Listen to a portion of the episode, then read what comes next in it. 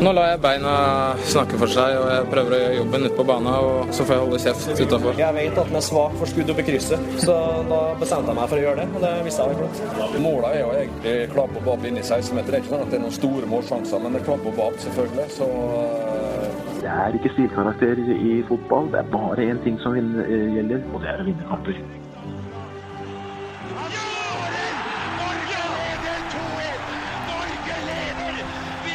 Og der er eh, toppfotball tilbake igjen. Bangstein, velkommen. Takk for det, Roppestad. Det er hyggelig å ha deg her. Det er hyggelig å være her. Ja, det er Om enn litt sent på kvelden. Ja, vi er ganske sene på kvelden eh, i dag, faktisk. Ja. Uh, men vi skal pushe denne episoden ut, så den ligger i podkastmaskinen litt uh, senere i kveld. Ja, det blir bra. Um, episode nummer 53. Stemmer det? Nei, 52? 52. Ja, Så det er liksom her føler jeg liksom året er runda Ja, på en eller annen slags måte. holdt på i et år, ja. Ja. Ja. Sånn cirka. Det har uh, vært en reise. Og vi har jo med oss uh, endelig uh, mannen som har fått sin Den eneste i, i studio som har fått sin egen hashtag. Uh, Jotiarlove. Jørgen Kjernås, uh, jeg elsker at du er tilbake med oss. Jo, takk. Det er nydelig å være tilbake igjen her òg. Det er, eh, og det er, uh, lytterne skriker litt sånn med jevne mellomrom, uh, spesielt jeg vet sånn Trauve Christian. eh, som er Han er flink bidragsyter, men med jevne mellomrom så er det sånn Ok, nå må du få tilbake Jørgen. Og jeg, jeg skjønner jo det, for det, det, det er jo ikke noe tvil om at uh, breddefotballkompetansen i det rommet her synker ganske betraktelig med en gang Jørgen Kjernås stiger ut av studio. Absolutt. Uh, så det er jo veldig fint å ha han her uh, på det, og fordi han har generelt ganske mye mer peiling enn alle oss andre. Ja, det vil vil si. Nu vel, men det Jo, du er på en måte breddefotballens høye beskytter, eller vokter, på en eller annen slags måte. Prøver nå i hvert fall. Og det er noe Det er nå fortsatt der det er gøy å følge med, da. Så, så er det jo hyggelig å være tilbake her, da. Selv om nå har disse hodetelefonene mine har fått sånn derre Det ser litt ut som sånn derre Hva skal man si, da? Sånn som jenter pynter med. Sånn pynteputemønster. Føles ut som sånn Du vet sånn puter som du ikke kan sove på, men Ja. som damer påstår at ser fint ut. Sånn- Pynteputer, Ja. Det har sånn pynteputestoff. Ja, det har det. Og Ja, det er, jeg er den eneste som har fått det her. Så jeg vet Ja. ikke om det er noe sånn signal eller et eller annet sånn der uh, underliggende budskap i det. Men, Jeg har fått høre at det er det dyreste headsetet. Ja, ja, vi, okay, ja. Vi, vi skal legge ut et bilde av deg med de, eh, det headsetet på.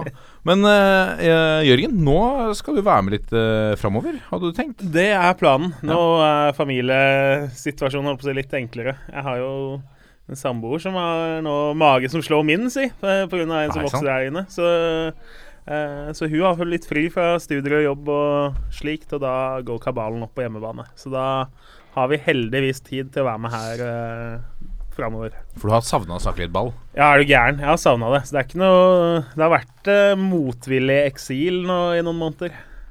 Anbefaler alle, alle der ute som, eh, som har eh, mye fotball inni seg. Sett dere ned med et par kamerater. Kjør en intensiv time, halvannen. Snakk om ball, og så går man hjem.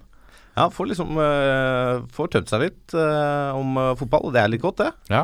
For det er, det er jo mange av oss som er glad i fotball, som har mye å melde om fotball. Det er jo bare å se hvis man på, titter på en generell Twitter-feed når det er kamper, så ser man jo det. Mm. Eh, jeg skal vel si at jeg er ikke noe unntak der. eh, men jeg, Ja, for du kan, du kan eh, egle litt til, til Hva skal man si? Du, du melder litt på Twitter. ja, jeg gjør det. Og jeg gjør det jo altså, Hva heter du på Twitter igjen? Lav Wangstein? Nei, Lasse AV. Lasse AV er det. Lasse AV. Ja. Veldig kjedelig Twitter-navn, hører jeg nå. Helt Men greit. det er Helt greit. Eh, ja, nei, jeg gjør jo det. Jeg har vel kanskje prøvd å fyre opp litt av og til, og provosere litt og, og slenge litt. Mm. Uh, det er litt godt uh, å gjøre det, og så er det litt gøy når folk biter på. Får litt kjeft òg. Ja, så får jeg litt kjeft, og det er jo bare gøy. Mm. Jeg tror folk skal ta mye av det jeg sier med en klype salt eller to.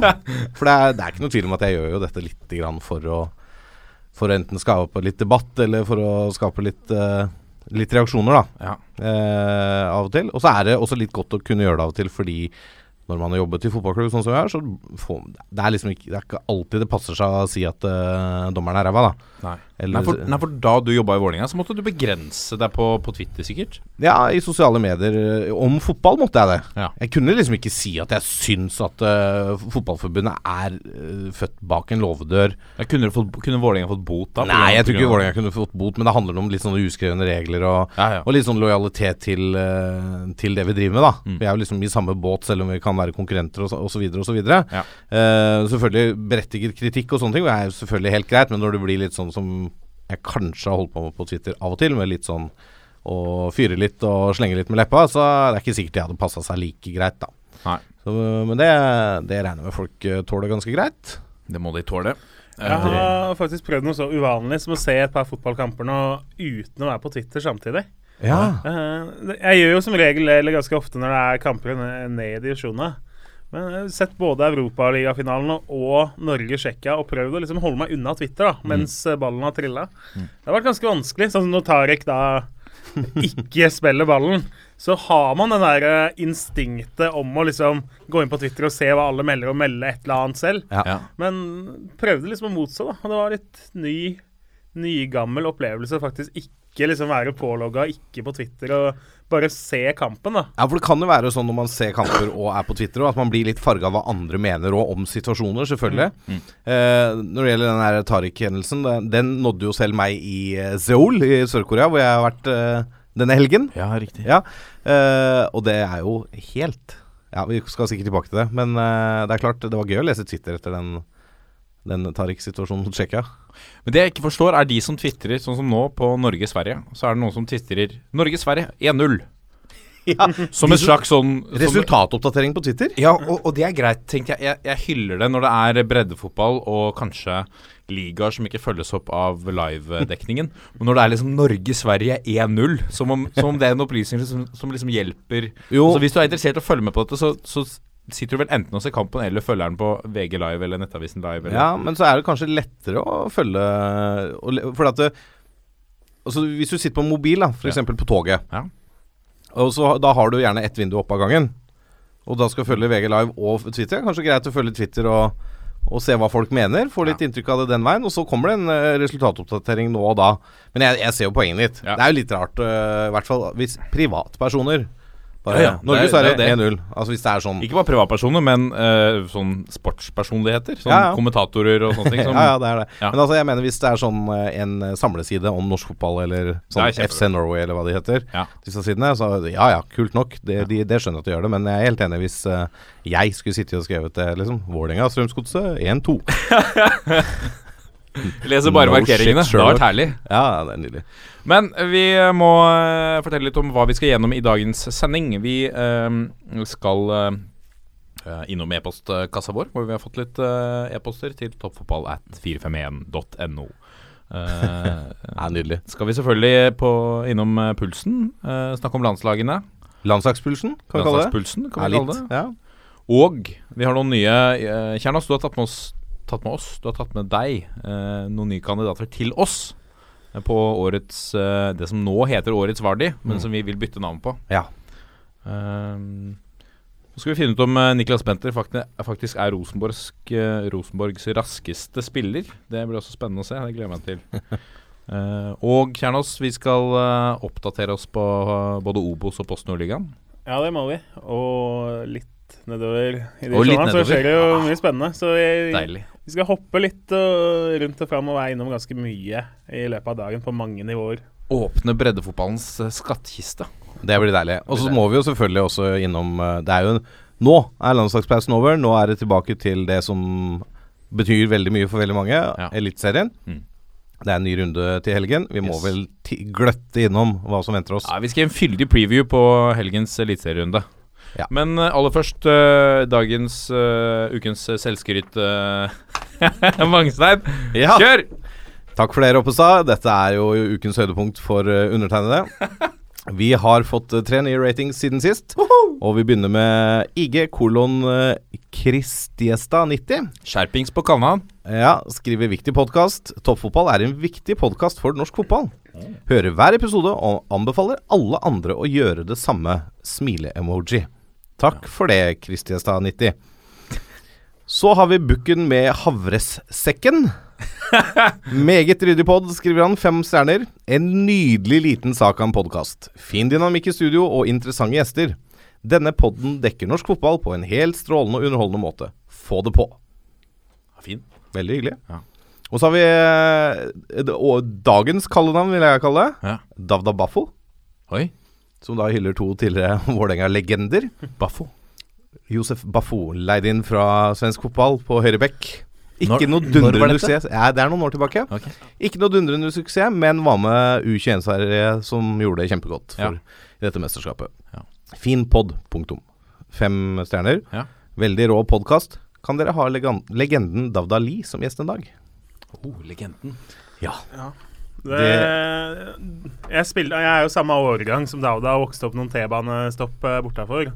Uh, jeg har en kompis som var høyrebekk i en match mot han, som fortsatt er svimmel etter den gutt 14-kampen, hvor han uh, skulle spille mot vingen Dauda. Så han var en meget lovende kar som har blitt litt temma av skader, og nå spiller for Moss i tredje del. Han gjør det! Ja han er aktiv. Han, han, spilte, han kom liksom til Moss i fjor, og så spilte han ikke noe særlig på A-laget. Var litt innom B-laget, og tror han hadde et par innopp- eller innbytterkamper da. For var det ikke innom Kristian- Kristiansund? Jo, han var det òg, men så, så plutselig da, så har han kommet seg hjem og ikke spilt på en stund. da. Men nå har han spilt de siste to, tre, fire kampene for Moss og skårte bl.a. en viktig skåring for to uker siden. Så kanskje har han fått seg liksom en siste høst i fotballen. Davda nydelig type. Jeg mener å huske han hadde et veldig høyt uh, toppnivå og et veldig lavt bunnivå. Ja, det var vel det som var kanskje utfordringen. At det bunnivået kicka inn litt for ofte. Forferdelig. Ja, det var, han var god i noen kamper også. Ja. Men uansett, nydelig fyr. Strålende mann. Eh, og det skal sies, jeg har prøvd å få tak i han for å få han som gjest i denne er sant. podden. Klin umulig å vite hvilket nummer han har i dag. Han er i hvert fall ikke det jeg hadde lagra. Dere der ute som kjenner eh, Davda, eh, grip fatt i han eh, og be han eh, ta kontakt. Be han innfinne seg. Gjør det. Um, og så har vi denne navnekonkurransen da, til eh, årets Vardi-spalten. I fjor så kåret, vi- kåret vi årets eh, Vardi, som var en Hvordan skal vi definere det? En up and coming spiss som eh, dunker inn kasser, eh, og som kan eh, få en litt sånn late bloomer-karriere à la Jamie Vardy. Mm. Eh, men vi vil ha et nytt navn på den. Ja, eh, fjorårets vinner Martin Trøen er jo eh, Strømmen-spiller nå. Har vel ikke Han er vel skada? Han er skada nå, han, dessverre. Han er ute en stund. Ja, så han har jo ikke vært i troppen på en stund, men uh, det er klart, han har jo rykka opp noen nivåer. Så det Ja. var en fortjent vinner i fjor. Det blir spennende å se hvem det blir i år. Absolutt. Uh, og vi tar gjerne imot forslag både på, på Vardis og, og, og tips. Um, men de forslagene vi har på navn så langt eh, Jeg begynner fra toppen. Vi var innom det forrige sending. eh, årets Johnsen fra Rune Rønning foreslår det. eh, på Frode Johnsen. Um, så har vi årets King Kong. eh, fra Jan Martin Knashaug. Årets Rush fra Kristoffer Riser Fuentes. Og eh, Johan Sjøberg Uh, i, i, uh, i NFF, faktisk. Denne kommer fra sentralt. Uh, foreslår den nye Trøen. Det er ikke dum. Så kan man ha det som en føljetong. Så det kan være, hvert år så kan det være det nye. Det nye. ja, nye. riktig. Så den som vinner, får da I tillegg kategorien av oppkalt etter seg? Ja, fantastisk. Oh. Ja, den er, den er ikke dum. Nå er jeg inne på noe. Og så har vi Kim Are som foreslår eh, årets Løvik. Ja. Eh, Den er ikke dum, den heller. Nå kommer pulsen. Da har vi kommet til uh, pulsen. Har du savna pulsen, Kjernås? Savna pulsen, vet du. Det er viktig å ta, ta pulsen sin på det som skjer. Tar du pulsen på kona Ja. innimellom? Er det lov å si? Videre. videre. La oss gå videre, Roppestad. Har godt forsøk uh, på smalltalk her i, i dette studio. La oss Vi er, vi er bedre på fotballprat enn smalltalk, uh, kanskje. Håper vi. Absolutt. absolutt. Eh, vi har spilt eh, landskamper, altså. Ja, eh, Norge, både A og U21, har spilt landskamper. Ja. Skal vi begynne med A? Det syns jeg. Ja. Da kan vi jo Jeg syns jo isolert sett, da, at disse to resultatene til Norge er eh, gode resultater. Mm. Eh, men jeg er skuffa over måten vi eh, Vi taper ikke et poeng, men måten vi ikke vinner kampen mot Sverige på. Og da mener jeg baklengsmålet. Ja. Vi leder kampen 1-0. Det er ti minutter igjen. Ok, Sverige kjører litt i andre omgang og sånn. Og så kommer det, i mine øyne, en forferdelig billig scoring. Ja. Og den er eh, Jeg har lyst til å dele ut todelt skyld. Eh, den største skylda for at det blir mål der, må dessverre Even Hovland ta. Han, viser, han, han i Nok en gang altså, så blir Even Hovland involvert i baklengsmålet på landslaget. Han sover i en duell på defensiv corner med ti minutter igjen. eh, og mister markeringa. Og han eh, som jeg nå ikke husker navnet på, får gå opp helt alene og heade på mål. Nå skal selvfølgelig Nyland ta den kula som kommer, syns jeg. Altså, det er ikke noe sånn keepertabbe. Nei. Men en eh, god keeper i grei matchform bør stoppe den headinga. Jarstein hadde tatt den. Ja, ja, jeg tror Jarstein hadde tatt den. Ja. Og det beviser to ting. Det beviser nummer én at uh, Jarstein er førstekeeperen. Det- Det visste vi før den uh, samlinga, men Jarstein er førstekeeper og har ikke konkurranse akkurat nå. Nei. Og sånn ser det ut som det skal bli en liten stund til. I hvert fall hvis Jarstein fortsetter å spille fast uh, for Herta, og Nyland Ja, altså, det er ikke noe å tenke på. Det viser også at Hovland er, eh, bør være ferdig som landslagsspiller på en stund.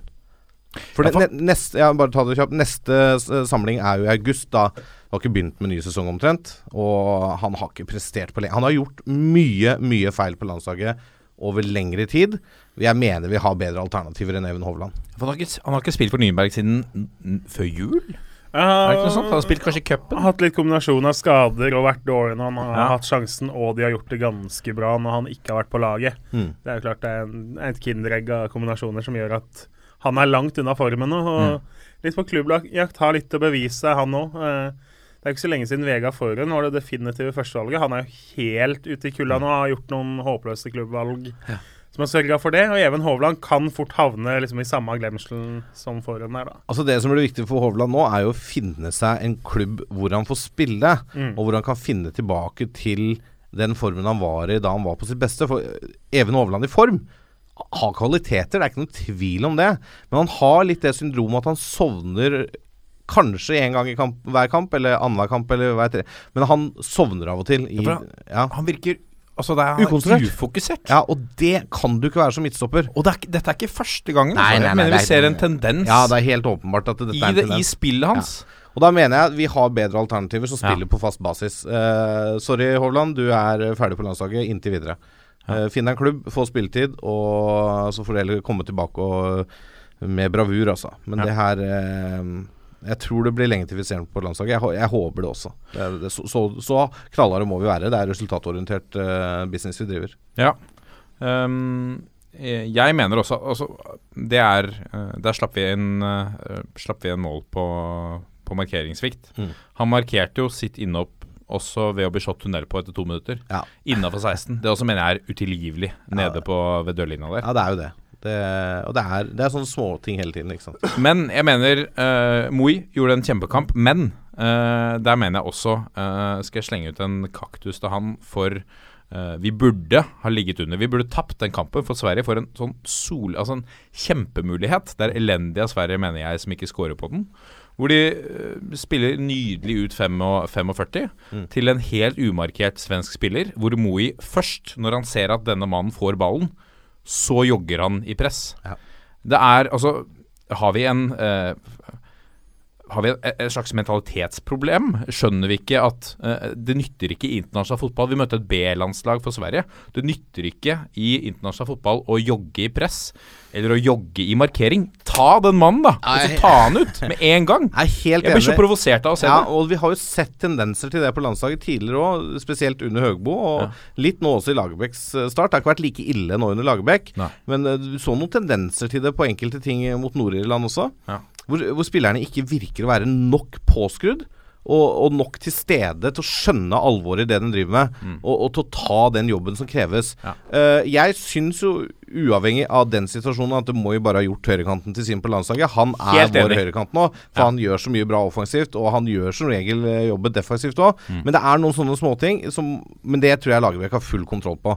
Altså Dette får Moi høre, og det skjer ikke igjen, tror jeg da. Nei, men jeg føler at når det skjer med Moi, som Mm. gjør, en, gjør en kjempekamp, og det er ikke tvil om at han jobber beinhardt, Mm. uh, men det skjer med han, og jeg er helt enig med deg. Han har tatt den høyre, høyrekanten Ja. og virkelig svart på um, forventningene etter den fantastiske sesongen han har hatt i, i Basel. Helt klart. Så ser vi nå at vi har plutselig fått et soleklart kantalternativ. Ja, det, det, altså, det, han er jo førstevalg. Det er jo, det er jo ingen Ja. som utfordrer han på høyrekanten. Akkurat nå, da. Det er, ikke, det er ikke noe som er Altså Selv ikke Pål André Helland, da. Som kunne vært et alternativ. Han er jo ikke i nærheten sånn som står her nå. Nei, helt enig. Uh, så det Moi er ved høyrekanten vår. Det har denne samlinga bevist. Veldig godt å se også, uh, hvis dere er enig, Jonas Svensson samarbeider med, med Ja. Moi. Uh, der også ser vi at vi har et godt alternativ når Omar er ute. For jeg, Altså, vi har- Tidligere så har vi mistet en, en dimensjon, da, når Ja. El Abdelawi har vært litt for avhengig av han på den siden. Helt klart. Vi har, vi har jo nesten et luksusproblem på høyrebekken. Absolutt. Og det er jo alltid godt å ha det. Ja. Altså liksom Hvis en av de er ute, så har vi et eh, fullgodt alternativ. Eh, helt uh, fantastisk. Jeg syns Bjørn Mars Johnsen imponerer. Helt enig. Uh, han kunne med litt uh, flaks eller bedre avslutteregenskaper ha Ja. skåra noen mål på disse kampene. Eh, men han jobber hardt. Mm. Han vinner dueller. Han vinner jo duellen som gjør at vi skårer mot Sverige. Yes. Og jeg syns at han kanskje fort i konkurranse med Sødlund, da, Mm. Kan være det spissalternativet som skal vinne dueller og Ok, han er ikke det spissalternativet som skårer mest mål, det er ikke Sødlund heller. Ingen av de er noe sånn som bøtter inn på tydeligvis, men unnskyld, de kan gjøre en jobb. Eh, som er viktig i den spillestilen vi ønsker å ha. Ja. Så han er imponert, og han syns jeg bør få, sjansen igjen. Altså Han har, han har, altså, han har overraska meg positivt, og det er gøy å se, altså. Og så, uh, før jeg slipper deg til Kjernos uh, Jeg la meg også merke til, eller bet meg merke i det Jeg tror det var Kenneth Fredheim som sa det på, på TV Norge, eller Kjetil Rekdal, som sa at nok en gang, altså gang på gang, så er Bjørn Mars Johnsen der på rett sted til avslutning. Mm. Og på et eller annet tidspunkt så kommer den skåringen. For at det er, han er der sjansen, eller der ballen lander. Ja. Og det er en kjempeegenskap som jeg mener at vi har mangla litt på landslaget. Jeg er helt enig, og da, når han da får satt den første, så kan det løsne. Ja. Kjære oss. Nei, det er godt å høre på dere, gutta. Det er, Og det er litt eh, tegn på det jeg egentlig skal si. da Fordi landslaget nå lenge under Høgmo Det har jo vært egentlig et ork og litt sånn der, Det er litt sånn som å klippe plenen. Du må gjøre det fra tid til annen, men det er liksom ikke lystbetont. da Sånn har det nesten vært å se landslaget. Eh, nå for første gang så var det faktisk ålreit å se landslaget spille fotball igjen. Eh, jeg prøvde liksom å tenke på sist, og det var noen lyspunkter da vi slo Bulgaria 2-1. Og det begynner å bli ganske lenge siden det. altså Ja. Eh, men nå annenomgangen mot Tsjekkia, det, det var ikke perfekt. Og det er noe barnesykdommer og sånn der. Men det var litt trøkk, og det var litt plan, og det var litt vilje og engasjement, da. Som liksom er de der basistinga som man i hvert fall må ha, da. Hvis du ikke har noe annet, så må du i hvert fall ha det. Det må ligge i bunn, og det, og det, det gir meg trua på at uh, dette landslaget kan få en opptur. Jeg syns jo altså, Tsjekkia er ikke et lag vi nødvendigvis eh, slår ni av ti ganger hjemme. Altså. Tsjekkia er et bra landslag. Det samme er Sverige, selv om de stilte med B-laget. Eh, så det er to gode resultater, som sagt. Og så en dere som ikke har snakka med ennå, er jo Sander Berge. Ja. Som jo fortsatt spiller litt på det sikre og gjør ting safe. Men det er litt rollen han skal ha òg, når vi spiller 4-4-2 på det landslaget her. Og gutten er altså han er 19 år, han spiller for første gang med flagget på brystet på Ullevål. Og ser ut som det her er noe han har gjort uke inn og uke ut. Han spiller rutinert, han spiller smart, og han er en fyr som kommer til å passe glimrende der i 10-15 år, hvis ikke han plutselig skulle få noen sånne stjernenykker som han ikke har fått ennå, eller knekke beina. Han, er, han kommer til å bli en dødsviktig spiller i norsk fotball i mange, mange år. Jeg er helt enig. Sander Berge har i mine øyne bare bevist at den ene sentrale midtbaneplassen er hans. Og som Jørgen er inne på, hvis ikke noe helt eh, spesielt skjer, så er den hans i mange år fremover. Han har fysikken. Han så noen av de duellene hvor han bare går bort og bare tar ballen fra motstanderen. Som han ikke har gjort noe annet i hele sitt liv. Og det er som du sier, han er 19 år. Han er, han er rolig med ballen. Han gjør sikre valg, men han er trygg med ballen. Og han har tempo. Det jeg savner av Sander, er at han tør å utfordre litt framover med ballen i beina og passere et ledd, som han gjorde av og til i Vålerenga. Uh, for da, da skaper han ubalanse. Men jeg skjønner at det, kan, at det er noe som må komme. I, og jeg mener da i forlengelsen av det at uh, Kanskje litt rart å si, men den andre sentrale midtbaneplassen mener jeg ikke er like åpenbar. Selv om det er lagkaptein Stefan Johansen som har den. Jeg syns ikke han var kjempegod uh, mot Tsjekkia. Jeg syns det er lenge siden han har vært veldig god på landslaget. Og uh, vi har Anders Johnsen i bakhånd, vi har Ole Selnes i bakhånd. Vi har alternativer på den plassen ved siden av Sander Berge, for jeg mener Sander Berge må bare dyrkes og dyrkes og brukes i alle kamper framover på den ene. Så da har vi alternativet på sentralen midt, som bør gi Stefan Johansen konkurranse. Hva syns dere om Anders Tronsen, da? I, han har jo eh, hatt en landskamp eh, eh, i beltet fra før, så han var ingen debutant, men han er jo en, en fersking. Hvor, Ja. Hvordan syns dere han eh, fungerte på, da mot Sverige? Jeg syns han kom godt fra det. Ja. Han gjør det han skal, han gjør jobben, og han, eh, du, du ser at han har, eh, har teknikk. Du ser han har eh, fot. Han hadde et bra skuddforsøk der, blant annet. Ja, for det likte jeg å se. Han har en Han tør. veldig god dødballfot òg, da. Ja. Som jo Så klart det er ikke det du på en måte setter ned på laget for kun for det, men det er jo en spissferdighet som Vi setter jo inn en på laget for at han er flink til å kaste langt.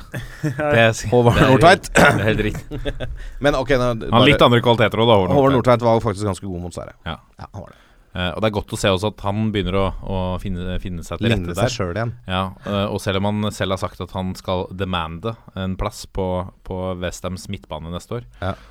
Litt tvilsomt til det, men uh, Kan ikke bare demande en stoppeplass og bli ferdig med det, da? ikke sant? Gjør som Ayer. Kristoffer Ayer. sant? Ja, bare satse på Han kommer sikkert tilbake til. Uh, ellers så Jeg frykter det. Frykter vi må snakke litt om Kristoffer Ayer. Stakkars. Uh, ellers så syns jeg at det er eh, litt grann sånn usikkerhet rundt venstrekanten vår. Ja. det Jeg syns jo, hvis jeg bare får Ja. avbryte, eller nå har jeg gjort det, så Det er greit. Jo Inge Berge har vært ganske middelmådig i Allsvenskan. Kom akkurat tilbake fra skade etter et par serierunder. Har ikke levert noe stort der. Du ser jo at han er ganske langt unna sin beste form, og unna den formen da han senka Kroatia. Så eh, klart nå er det noen måneder da, til neste kamp, men han er et stykke unna å forsvare den plassen i hvert fall. Ja. Men jeg syns det er forfriskende å se Dæhlie. Mads Møller Dæhlie. Han er en spiller jeg har veldig, veldig sansen for. Han kan fort bli venstrekanten vår. Han tør å utfordre begge veier. Han eh, skaper ubalanse. Han er eh, kvikk i beina. Han tar defensive løp, ser vi. Og det gjør Bergo, altså, for all del. Gjorde litt flere feil nå enn eh, vi er vant til å se. Vanligvis Ja. så De gangene han har kommet inn i den siste kampen, så gjør han ikke feil. Han, er- eller han mister ikke ballen. Nei, men jeg er sånn Så lenge du prøver å Altså, du må regne med at en fotballspiller mister ballen av og til. ja. Eh, men jeg Det eneste er at jeg savna at han enda litt mer offensiv. Altså ja, han, han spilte litt baller på tvers og bakover, men eh, savna litt den derre gå forbi og legge inn. Ja, det er som jeg sier, Vi har ikke det åpenbare venstrekantalternativet. da. Det er liksom de to som kanskje kjemper om det akkurat nå. Ja. Eh, tilbake til kjapp på sentral- og midtbaneplass. Jeg savner fortsatt eh, at Magnus Wolff Eikrem er i, eh, i, i diskusjonen der. Altså, for Ja. han, produserer gjerne litt assist og er god med ball. Og, Den assisten han hadde, det er vel to uker siden, for Malmö. Ja. Har dere sett videoen av den? ja. Det er helt fantastisk. Ja, den er helt altså, det er på øverste internasjonalt Ja, nivå. det er akkurat det. Og det er det jeg mener. Altså Han har noen sånne kvaliteter som vi selvfølgelig har behov for på et norsk landslag òg, Ja. mener jeg, da. Men han har jo også fått lide litt nå. Malmö bytta jo sjef her. Han Ja. har jo ikke hatt eh, så høy stjerne ennå hos Malmes Malmös nye sjef. Eh, så han har ikke hatt så god klubbhverdag som eh, han hadde i høst. Da Da burde han definitivt ha vært med. Mm. Nå, så hvis man ser på hva han på en måte har vist, eller fått sjansen til å vise, så er det litt mer forståelig nå, da. Ja. Kun ut fra det. Men også enig i at han har ferdigheter som gjør at han bør Vurderes. være foran en del andre som allerede har fått sjansen i år, i diskusjonen, da. Ja, jeg er helt enig. Og så syns jeg, hvis jeg skal være litt grann, jeg, jeg er egentlig veldig positiv etter disse landskampene. eh, men hvis jeg skal være litt grann sånn uh, undrende til Lagerbäcks vurderinger, så syns jeg det er rart at han tar ut Birger Meling i troppen, og så henter han inn Per Egil Flo som uh, erstatter pga. skadeforfall, og så får Flo spille foran Meling. Dette er jo en sånn klassisk landslagsgreie. Dette skjedde under Drillo, det skjedde under Høgmo og Hareide, alle sammen. Og gjerne en eller annen som kom inn som reserve, fikk plutselig starte en av kampene. Ja, mens ja. de som liksom var med i bruttotroppen, de var ikke i nærheten. Og, det, og da må enten Flo ha vist noe på trening som ikke vi har fått med oss, eller så har, de, har bare Lagerbäck innsett at eh, Meling ikke er i sin beste form. For han har ikke vært kjempegod for Rosenborg. Det er helt greit at Flo Kan spiller. være så enkelt som det. Selvfølgelig. Mm. Eh, Det er helt greit at Flo spiller, det er ikke det. Men det er, det er jo litt rart når han hentes inn som erstatter i troppen. Ja. At det er han som var med i den opprinnelige troppen, ikke får spille i se- den posisjonen. Se for deg et scenario. Du, har, øh, du er litt ute av form, og Mm. så har du tre øh, Jeg vet ikke hvor mange økter de har hatt før disse kampene. Tre-fire økter. Ja, og så har på en måte ikke han bevist noe kjempemye, Birger Meling. Så har kanskje Per Egelfro kommet inn, gjort én kjempetrening, og så er det Det er veldig lett å da velge han fremfor Birger Meling. For all, for all del, og uansett så har Lagerbäck fått se Meling Ja. på trening Ja. og blitt kjent med gutten. Ja. Så det, er, det har jo ikke vært bortkasta for noen av disse gutta å være med på den samlinga her, uansett hvor mye spilletid de har hatt. En øh, jeg kanskje savner skulle fått sjansen, Sigurd Rosted. Ja, helt enig. Uh, jeg, jeg tror nok jeg skjønner hvorfor Hovland fikk uh, spille mot Sverige. Uh, skulle få sjansen til å vise seg fram og kanskje sånn Han må jo få seg en klubb, stakkar. Eh, og litt eh, For han har vært fast på det laget veldig, veldig lenge. Men eh, jeg er helt enig. Eh, Savna at Rosted fikk eh, muligheten. Er det mann for Vålerenga i sommervindu? På et- på? Utlån, kanskje? Utlån er jo kontraktsløs. Ja, det stemmer. Kontrakten går ut 30. juni. Jepp. Hvert Så øyeblikk, det. det er mulig å hente han. Uh, ja, det kan godt være en mann for Altså, som jeg, Hvis Hovland finner litt tilbake til sånn han var før, så er han mer enn god nok for Vålerenga. Ja. Men da, han må våkne. Han må følge med. Hovland må våkne. Eh, noen andre som har sovet i, i timen. eh, Norges eh, Fotballforbund. Eh, vi, det gikk ikke lang tid fra vi feiret eh, 5-0 over Kosovo Ja. på Marienlyst. eh, var eh, hyllet uh, Ødegaard for, eh, for gode prestasjoner før vi bare kunne stryke over hele resultatet. Fordi Sannsynligvis. Sannsynlig Ja, vi gjør Vi må Det jo vil være veldig Ja, ja, ja. snålt om vi ikke taper den tre Da mistenker jeg korrupsjon, hvis ikke, hvis ikke vi uh, taper. For den, den kampen, med den feilen, så skal vi tape den kampen. Altså Det er ikke tvil om det. Ja, og feilen er jo da at Kristoffer Ayer, som fikk sin U21-debut og kvitterte med scoring da, i 5-0-seieren mot Kosovo, han var ikke spilleberettiget i denne kampen fordi han fikk to gule kort og ble utvist i en uh, G19-kamp i mars mot Spania. Og da skal du sone på samme nivå eller nivå over i neste tellende kamp. Det hadde ikke Ayer gjort. Og det, det som er enda verre i den saken her, er jo at Ayer tenkte at dette kanskje var en mulighet, så han gikk til NFF, til noen i NFF, og spurte om det er tilfellet, og fikk da Nei, dette er, skal du ikke tenke på, du kan spille. Og da tenker jeg, da har ikke NFF sjekka med Uefa, og da er det tjenesteforsømmelse på høyt plan Ja. i administrasjonen i NFF. Altså, det er noen som er ansatt for å, øh, for å følge med på de tinga her.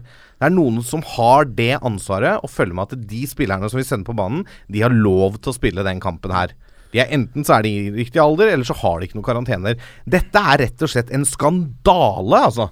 At, uh, at det ikke dette blir plukka opp, og at Ayer bare satt på tribunen mot Kosovo, eller ikke var med. Men vet vi at uh, Ayer har gått dit selv og spurt om dette? Jesper Mathisen meldte vel, var vel den som meldte det her, tror jeg. At uh, han hørte det fra Ayer. Ja, ja, men- uh, men uansett om han ikke har meldt det, eller Så må jo NFF sjekke det. Ok, nå har vi tatt ut 18 eller 20 mann i en tropp her. Er det noen av dem som kan ha karantene? Ja. Det er bare å gå inn på fotball.no og trykke på Kristoffer Ayer, sjekke landskamper. Så ser du jo Oi, søren, han fikk rødt kort i forrige kamp. Dette Ja. bør vi kanskje undersøke. Ja, Vi må da i hvert fall undersøke om det betyr noe for, neste, for et steg opp. For dette er altså Det, det, er, det er så svakt at dette ikke blir plukka opp. Altså det Uten sammenligning for øvrig, men eh, for noen år tilbake, da vi eh, hadde fantastiske Royal League, Ja. så skulle Vålerenga sende inn troppen sin til Royal League, og da fikk jeg den oversendt fra daværende sportslig leder i Vålerenga, som eh, er grå i håret og trener en klubb i Vestfold i dag. Han også er stille. Lars Bohinen. Lars Bohin, ja. Ja, ja. Ja, For jeg skulle legge ut den på nettsiden. Og så ser jeg ganske kjapt at det her mangler et navn på en spiller som har vært ganske god i år, og det var Christian Grindheim. Å ja, han har ikke lagt inn i Nei, Så da ringte jeg Lars, da. Du, er Kristian skada?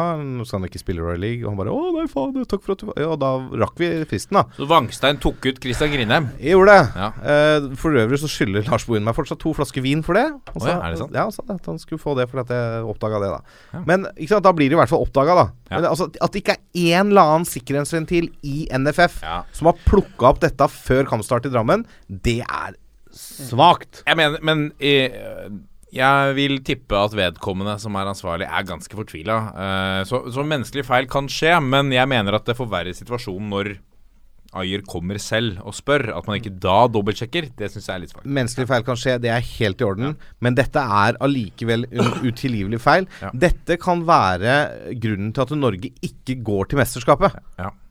Altså De tre poengene er kjempeviktige for Norge. Nå taper vi de, vi får 0-3. Eh, ja, altså, og, og, så- så- altså, ok, Skal vi, skal vi, he, skal vi kappe huet av noen for dette? Altså, må noen miste jobben? Nei, det, jeg sier ikke nødvendigvis det. Nei. Men det øverste ansvarlige for dette er jo, øh, er jo Sem, som er øh, sportslig ansvarlig for landslagene. Ja. Det er han som har det overordna ansvaret her. Men jeg sier jo ikke at han skal gå pga. dette. Det er ikke men, hans skyld. Nei, det er ikke hans skyld, men altså, med så mye folk ansatt for å passe på at alt er riktig, Ja. da må du faen meg klare å plukke opp en karantene, altså. Ja, ja, ja. Unnskyld meg. Det NFF har jo direktører og underdirektører for holdt på å si, alt mulig, så kanskje vi må ha en uh, nytilsatt eh, direktør for karantenesjekk. Karantenedirektør i NFF. Ja. Jeg søker, altså. Men uh, Terje Svendsen sitter ikke og sjekker om Kristoffer Ayer har for mange gule kort. Nei, men det skal ikke Terje Svendsen gjøre heller. Men han har nok av folk Men de har jo en administrativ ansvarlig, ansvarlig for U21. Ja, Ja. nettopp. Og det er lagleder og alt mulig. Og Ja. En liten digresjon er jo at dette skjer jo i breddefotballen mange tida. ganger hvert eneste år. Mm. Eh, og en ting jeg syns er snålt, er jo at i Fix, hvor du legger inn uh, lagoppstillinger Mm. Hvis du har ansvar for det for klubben din Hva Eller for står FIX Fiks for? eh, Er det Ja. fotballidrettens kommunikasjonssystem? Eller noe Det sånt? kan det faktisk være. Ja. Eh, men der burde det liksom også vært en sånn her automatisk, da.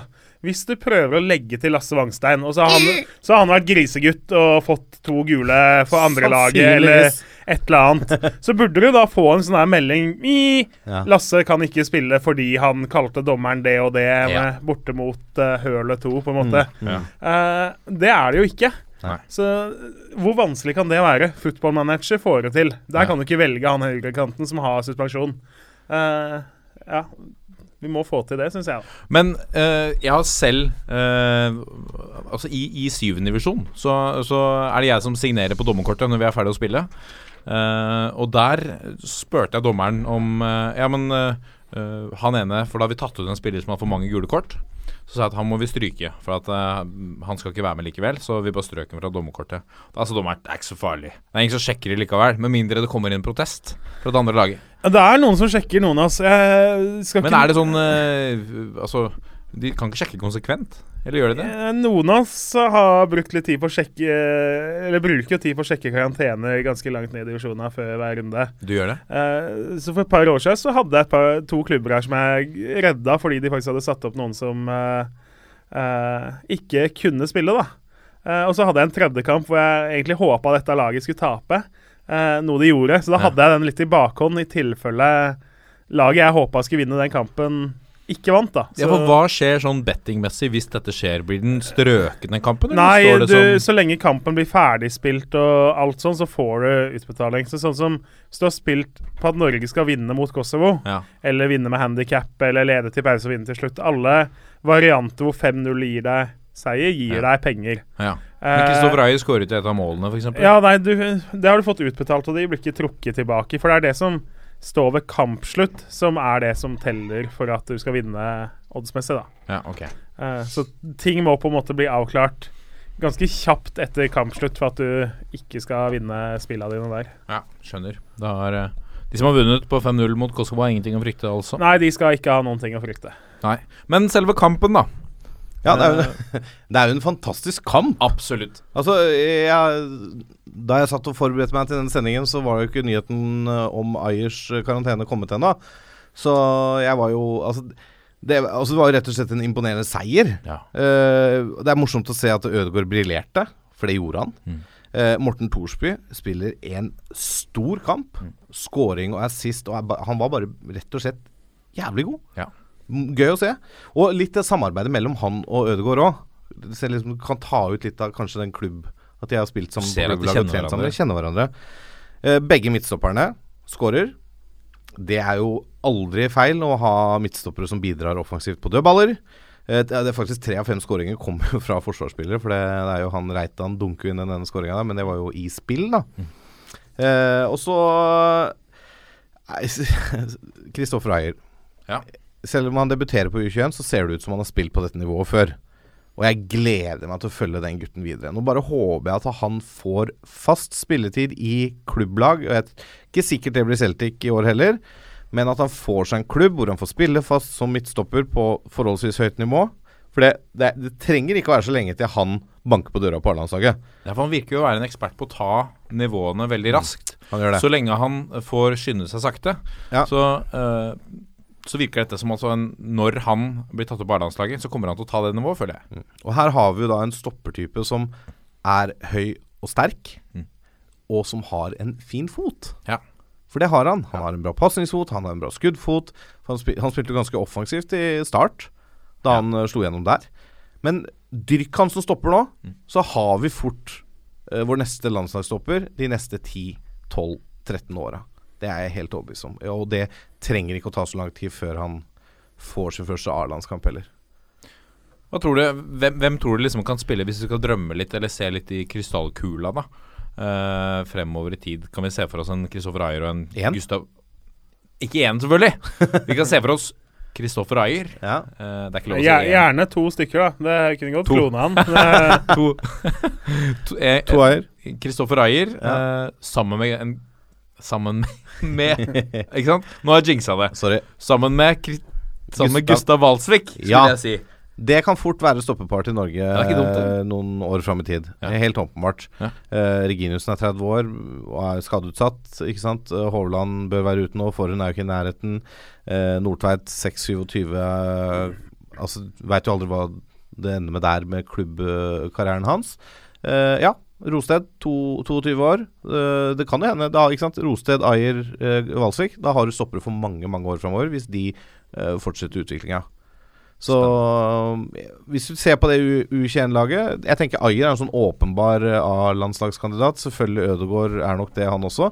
Thorsby syns jeg viste noe som prov på at han fort kan komme den veien, han. Og hvis han fortsetter å spille fast for Hedenfen, hvorfor ikke? Altså Nei. Hedenfen er bra nivå. Kanskje det er han som tar plassen ved siden av Sander Berger? Ja, det kan, det kan godt hende. Uh, Rossbakk, selvfølgelig.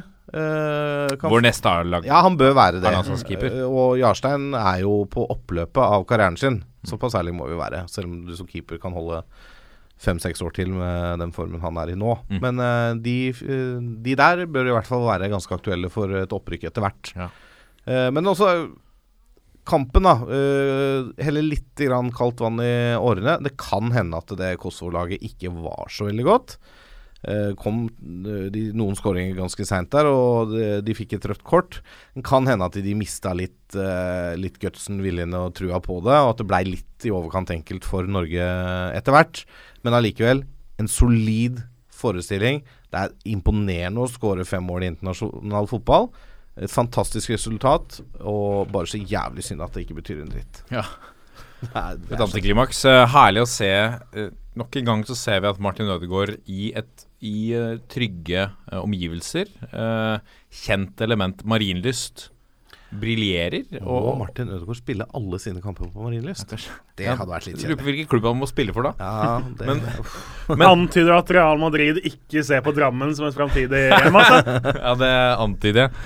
Ehm, nei, men vi Nå har han riktignok fått en eh, Altså Han har gjort det bedre de siste matchene for Herenfen, men det er jo der er det et veldig sterkt forventningspress. Og det er jo i hvert fall som vi leser om her hjemme, at man eh, snakker om en flopp og sånne ting. Det er det maset hele tida. Må du komme tilbake til Drammen og på Marienlyst og, og spille sammen med eh, Spille sammen med kjente medspillere på U21. Det, du ser at han, han blomstrer, han koser seg med det. ja da, men han koser du syn, Jeg syns jeg ser at han koser seg med fotball egentlig hele tiden. Absolutt. Eh, men, men det er det, av og til så er det litt sluttproduktet. Men jeg tror nå, hvis han holder seg skadefri Han sleit litt med skader i vår og vinter. Holder seg skadefri, så kommer han til å spille fast på Helenfen fra høsten av.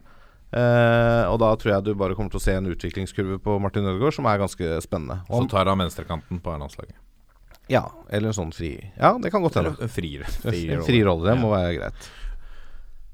Gutter 18 uh, er akkurat ferdigspilt mens vi sitter her. Uh, De også gjorde sånn som U21 kommer til å gjøre, da. taper 3-0 eh, denne Ja, gang etter ja. 90 minutter og mot Portugal i Portugal. Eh, jeg skal ikke skryte på meg intens kunnskap om Portugal eh, sitt eh, U18-landslag, men Portugal er jo kjent for å ha gode årganger. Det er ikke noe rart, tenker jeg, sånn at de slår et norsk litt svekka lag. Ja, for de, var, de mangla mange spillere. ja, det er mange som har Blant annet på keeperplass så har de på en måte slitt med hanke noen, For det er Julian Faye Lund eh, fra Levanger, Thomas Kinn fra Vard annet, som har takka nei. Grunnen er jo at dette er ikke en internasjonal dato.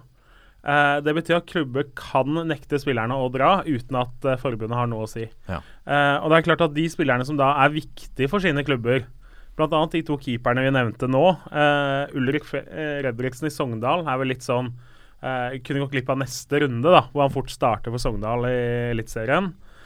Jens Petter Hauge, samme for Bodø-Glimt, spiller jo regelmessig der. Litt sånne spillere. Fanas, Thomas Totland er holdt tilbake. Så de mangla på en måte fort halve tenkte oppstillinga si i tillegg, da. Så da, det blir jo ikke noe enklere da å møte Portugal.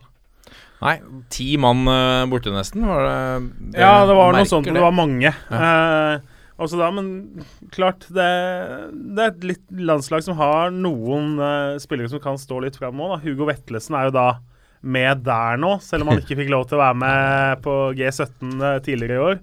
Helt Eh, så er han da god nok for å være med G18 nå. Ja, og god nok for å spille fast i Eliteserien. Ja, det er jo Og briljere etter tider. Det er jo en litt gammel sak, men det sier jo ganske mye da når han blir tatt ut på det G18-landslaget etter å ikke ha fått være med G G17.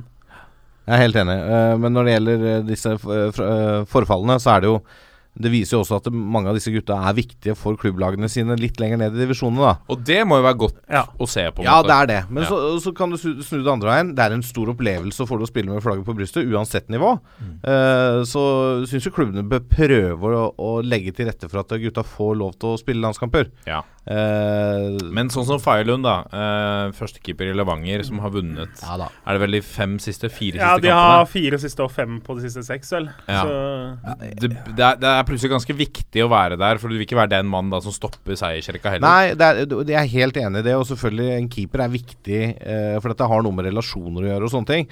Eh, så, så jeg har full forståelse for klubbenes valg. Det er ikke det jeg sier, men jeg bare sier at det, det er stort for disse gutta å få spille landskamper òg. Så har du muligheten, la de få reise. Ja. Eh, er, det, er de veldig viktige for laget, selvfølgelig la de spille seriefotball uh, til det kommer internasjonale datoer. ja. Og i tillegg så var vel Sånn som Vard sin versjon på keeperen Thomas Kinn, da, er at der har de annenkeeperen skada. Tredjekeeperen også har hangla litt. Eh, så de ønska å ha han med nå mot uh, Nardo uh, sist lørdag. Ja, toppkamp. Og så kunne han da få lov til å dra, og så eventuelt miste da kommende helgskamp. Oh, ja. Men det var liksom nei, han må være med hele samlinga. Ja. Og da prøvde vi å si ok, men da må vi få lov til å leie inn eller finne en erstatter Mm. utenom uh, overgangsvinduet. Og det var også litt sånn De møtte ikke noe forståelse der, hørtes det ut som, da. Så, Da legger jo ikke NFF til rette. så. NFF har liksom ikke hjulpet klubba noe heller, da. Må jo Eh, se på tabellen. da Vard ligger plassen bak og to poeng bak Nardo. De møtes. Selvfølgelig skal han spille Ja, ja. den kampen. Åpenbart. Altså, åpenbart. Men, ja, nei, firkanta. Men uh, det kjenner vi ikke den saken kjenner vi ikke godt nok til. Men, uh, Nei. men for meg så virker det litt merkelig. Men uh, sånn er det. Da skjønner jeg at man sier nei. Ja. Men sånn er det jo alltid med disse kampene. Det er en, hvis du går tilbake, så var det en G19-kamp her for noen år siden. Og for å si det sånn, da, det er ikke mange i den troppen som var den endelige troppen, som har lyktes i toppfotball etterpå. For der, der tror jeg vi var på liksom at både de nest beste og de tredje beste etter hvert meldte forfall. Og du, du sto litt sånn igjen med Har vi noen som helst som er født i dette året, som eh, kan trikse fire og har lyst til å være med?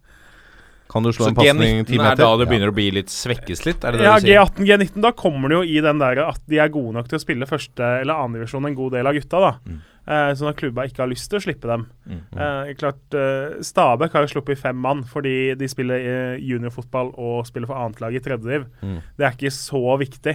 Eh, så har de jo sluppet Vetlesen òg, da. Men Men der har jo A-laget fri. Ikke sant. Men han går vel glipp av neste eller kommende helgs Ja, kamp likevel. Ja. Så- Men han har jo ikke, han har ikke starta de siste kampene for Stabæk Vettelsen. Han har vært innbytter, så han er ikke så avgjørende for A-laget akkurat nå. Nei. Og da er det kanskje bedre at den heller får spille landskamper, da. Helt enig. Og det syns jeg er en riktig vurdering. Ja, helt enig. Vi har eh, Du har med, har med deg noen eh, kandidater til eh, denne spalten, denne kåringen, som foreløpig, med arbeidstittel fra i fjor, heter Årets Vardi. Ja, det har vi. Ja. Uh, og da er det jo sånn at det er, heter seg vel i, i et godt gammelt ordtak at det kommer alltid en ny flo, eller et eller annet sånt. Det, ja, det har, Eh, blitt, det har hvis, jo blitt hvis sånn. ikke det er et ordtak, så bør det bli et ordtak. Nå er jeg spent. Eh, godeste Fredrik Flo. Eh, Og jeg har jo sittet i noen andre podkaster og huska liksom Hvem er det som er sønnen til Jarle, og hvem er på en måte nevøen Vi har jo sittet her og hatt slektsforskning. Ja, disse Flo-gutta Det går litt i surr i hvem som er sønnen til hvem. Men nå har jeg sjekka. Fredrik Flo, i hvert fall, som er mannen vi skal snakke om, det er sønnen til Håvard Flo. Oi. Eh, han har liksom ligget litt sånn og lurt og fått lov. Han har spilt eh, Spilt én kamp faktisk i Eliteserien. Han kom innpå mot eh, LSK eh, i april, og så har han spilt en cupkamp. Så han er liksom sånn i grenseland til å kunne være med i en 18-mannstropp uh, for Sogndal. da. Eh, men Sogndal har andrelaget sitt i uh, fjerdedivisjon. Uh, I Sogn og Fjordane. Eh, og der har da Fredrik Flo ganske gode arbeidsvilkår. For han har spilt eh, syv matcher der så langt i år. Eh, mot Eid, første kampen han skåret i, da noterte han seg for et hat trick. Vant eh, 6-0. Så kom Skavøy-Poll. Det ble 9-0-seier. Fredrik Flo skårte fem av måla. Eh, mot Høyang, nytt hat trick i 4-1-seier. Så tapte de faktisk for Årdal, men da skåret han ett av Sogndals to mål. Og så fire mål mot Tornado Måløy. Så han har jo da to hat trick, én match med fire mål og én match med fem mål.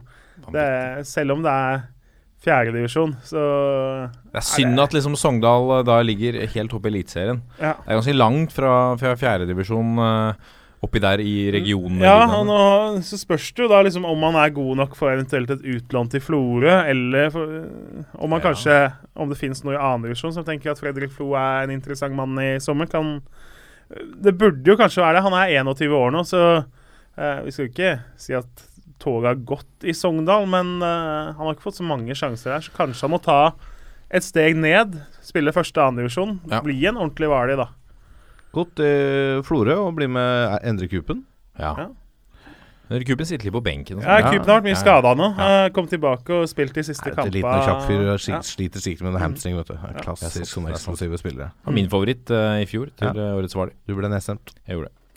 Uh, den andre kandidaten spiller også i fjerdedivisjon. Uh, det her er jo Fredrik Flo og nestemann er de to som har flest mål da fra fjerdedivisjon og opp så langt. Han har også 16 mål på sju kamper. Eh, spil, heter Det er et latterlig stats. Ja, det er jo fantastisk uansett nivå. Uh, Sinan Maksumic heter han. Max U, og så MIC. Han spiller for Våg i uh, like ved Kristiansand. Eller i Kristiansand. Det Ja. Ja, i hvert mm. fall i Kristiansands nære omkrets. Der, ja. uh, nå er ikke statsa på fotball.no alltid sånn at du kan stole 100% på det, da. Uh, men i fjor så sto den notert med fem mål på fire kamper. Ja. Uh, Seks mål på elleve kamper året før. Og seks gule kort må også nevnes. Mm. Men så kommer han da med syv eh, matcher og 16 skåringer i år. Eh, og han gjør det jo da for et bunnlag. Våg har slitt ganske tungt så langt uh, den sesongen her. Hadde to mål borte mot Flekkefjord, endte 2-2. Så slår de et ganske sterkt Arendal 2, 6-5. Vår mann skårer samtlige seks mål. I en eh, fantastisk kamp hvor de bytta litt på ledelsen og seine skåringer. og Høres ut som en kamp man skulle sett. To mål mot Vindbjart 2. Eh, og så slår de Gimle Troll 8-3. Da skårer han fem mål. Eh, og så ett mål borte mot Mandalskam. Så han har én kamp med seks mål og én kamp med fem mål eh, så langt. Og så to med to mål. Og dette er mot Mandal. Det hjelper jo det på statistikken, men uansett å sette seks og fem kasser i én kamp, Mm. det er uansett nivå bare å ta saten for, altså. Helt vanvittig. Da, har du, da flyter det greit i den matchen. Ja. Og da ser jeg jo, altså Arendal 2 hadde med Tobias Olsvik, William, Wilhelm Pepa, Anders Hella har liksom vært i nærheten av laget. Et par av de unggutta som er med mye på benken for Arendal. Så det er ikke noe sånn at de kom kjempesvekka. De stilte med en tre-fire mann som har spilt litt uh, førstedivisjon denne sesongen her. Men uh, skulle vi snakka litt om uh, en som ikke får tittelen Årets Vardi, og som heller ikke skårer like mye mål? Ja, det kan godt det. Jeg har litt, litt lyst til å snakke om Niklas Bentner. Ja, du har det, ja. Ja. Kjør! Han uh, har jo vært Er han Rosenborgs uh, raskeste nå, Wangstein? Det sies. Var det han- et forsøk på trøndersk, eller var det bare at Kjør. du dro Nei, på? Nei. Nei, nei, jeg tror ikke det. Uh, Nei, jeg skal ikke prøve på det. Nei, ikke gjør det. Eh, nei, altså han eh, mener jo tydeligvis det selv, for han har jo tatt til Instagram og eh, publisert testresultater fra Rosenborgs hurtighetstest her om dagen. Ja. Hvor de eh, testet hurtighet på de første ti meterne, som er en veldig fotballrelevant øvelse. For det å være kjapp de første ti meterne, Er det er aldri feil i fotball. Nei. Og da var jo han eh, kjappest på laget. Ja. Av de som eh, var med og, testet. Uh, sto naturlig nok blant annet over, og et par andre som ikke var med der. Men eh, det tok jo ikke veldig lang tid før uh, Bentner fikk beskjed om å fjerne den posten av den selverklærte åpne klubben Rosenborg. det måtte vekk. Ja. Få det bort. Men uh, jeg må jo Du da kan ikke dele alt da, Wangstein. Nei, men allikevel, jeg må bare minne Rosenborg om en liten ting. Ja.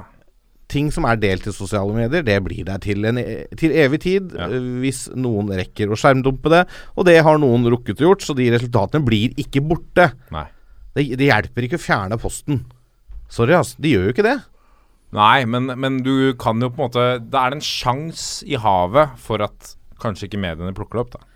Det gjorde de. Ja, Uh, så, ja, men, men jeg skjønner ikke at Rosenborg ikke tolererer at de testresultatene ligger ute. Det er ikke så jævlig farlig å vite om Bentner eller eh, Helland eller hvem det er løper 10 meter på 1,7 eller 1,8 eller hva det var. Jeg husker ikke tallene engang, da, men uansett. Altså, er det så jævlig viktig om de tallene ikke er eh, Om de tallene blir offentlige? Ja? Hva tenker du, hva tenker du Kjernos? Jeg tenker altså når, når det først er lagt ut, jeg er helt enig, så skjønner jeg ikke at det skal være noen stor uh, sak. liksom, La det ligge. Men det, klubba liker nå å holde på disse tinga. Og det er vel litt sånn at begynner du å slippe det ene, så begynner folk da, hvis du tenker at ja, han er litt hakkekylling, og så plutselig er, viser det seg at han er nest treigest blant uh, spillerne. Så at du kan få liksom mer uh, pes Ja. fra tilskuere. Men altså, du det bør jo ikke være noe stor sak. og altså eh, hvis Bentner Jeg syns det er litt overraskende. Jeg hadde ikke gjetta Bentner som Nei. den kjappeste på ti meter på i første Rosenborg. tiende. Nei, det er jeg jo enig i.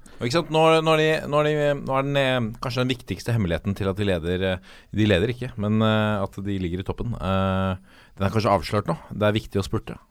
Så nå kan jo de andre klubbene bare begynne å spurte litt. Så Ja. kommer de til å ta de, ta de kapp snart. Leder ikke Rosenborg serien? Jo, de gjør kanskje det. Rosenborg leder det. serien ett poeng foran Sarp. Jo, ja, Beklager. Vi har ikke kommet hit i sendinga ennå, så det er min unnskyldning. Ja, det er greit. det. Unnskyldning godtatt. Eh, nei, hemmeligheten er nå avslørt. Nå vet dere hvordan dere skal slå trønderne. Bare Eh, løpe kjappere på de første ti. Ja, kjør spurtene. Ja. Tidene dere skal slå, er jo åpenbare. Vi må jo trekke inn eh, Nils Arne Eggen her òg, da. ja. Som jo Jeg husker ikke hvem det var han var misfornøyd med. Eh, da drev de med om det var løpstrening eller om det var bare trening.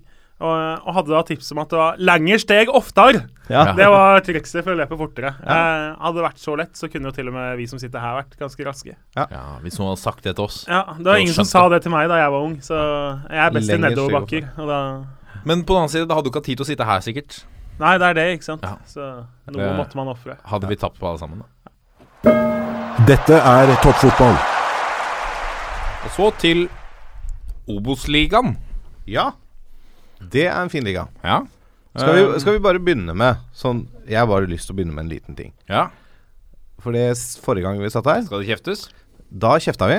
Oh, ja, ja. Og kritiserte og avskrev og avskilta Fredrikstad til en stor, stor gullmedalje. Og hva skjedde? Fredrikstad har fått årets første seier, 4-0 hjemme mot Elverum. Gratulerer med dagen. 4-0 hjemme mot Elverum. Ja da. Ja. Nå de, begynner ballen å rulle, vet du. men, uh, hadde de tapt den? Ja, da hadde de vært ferdig.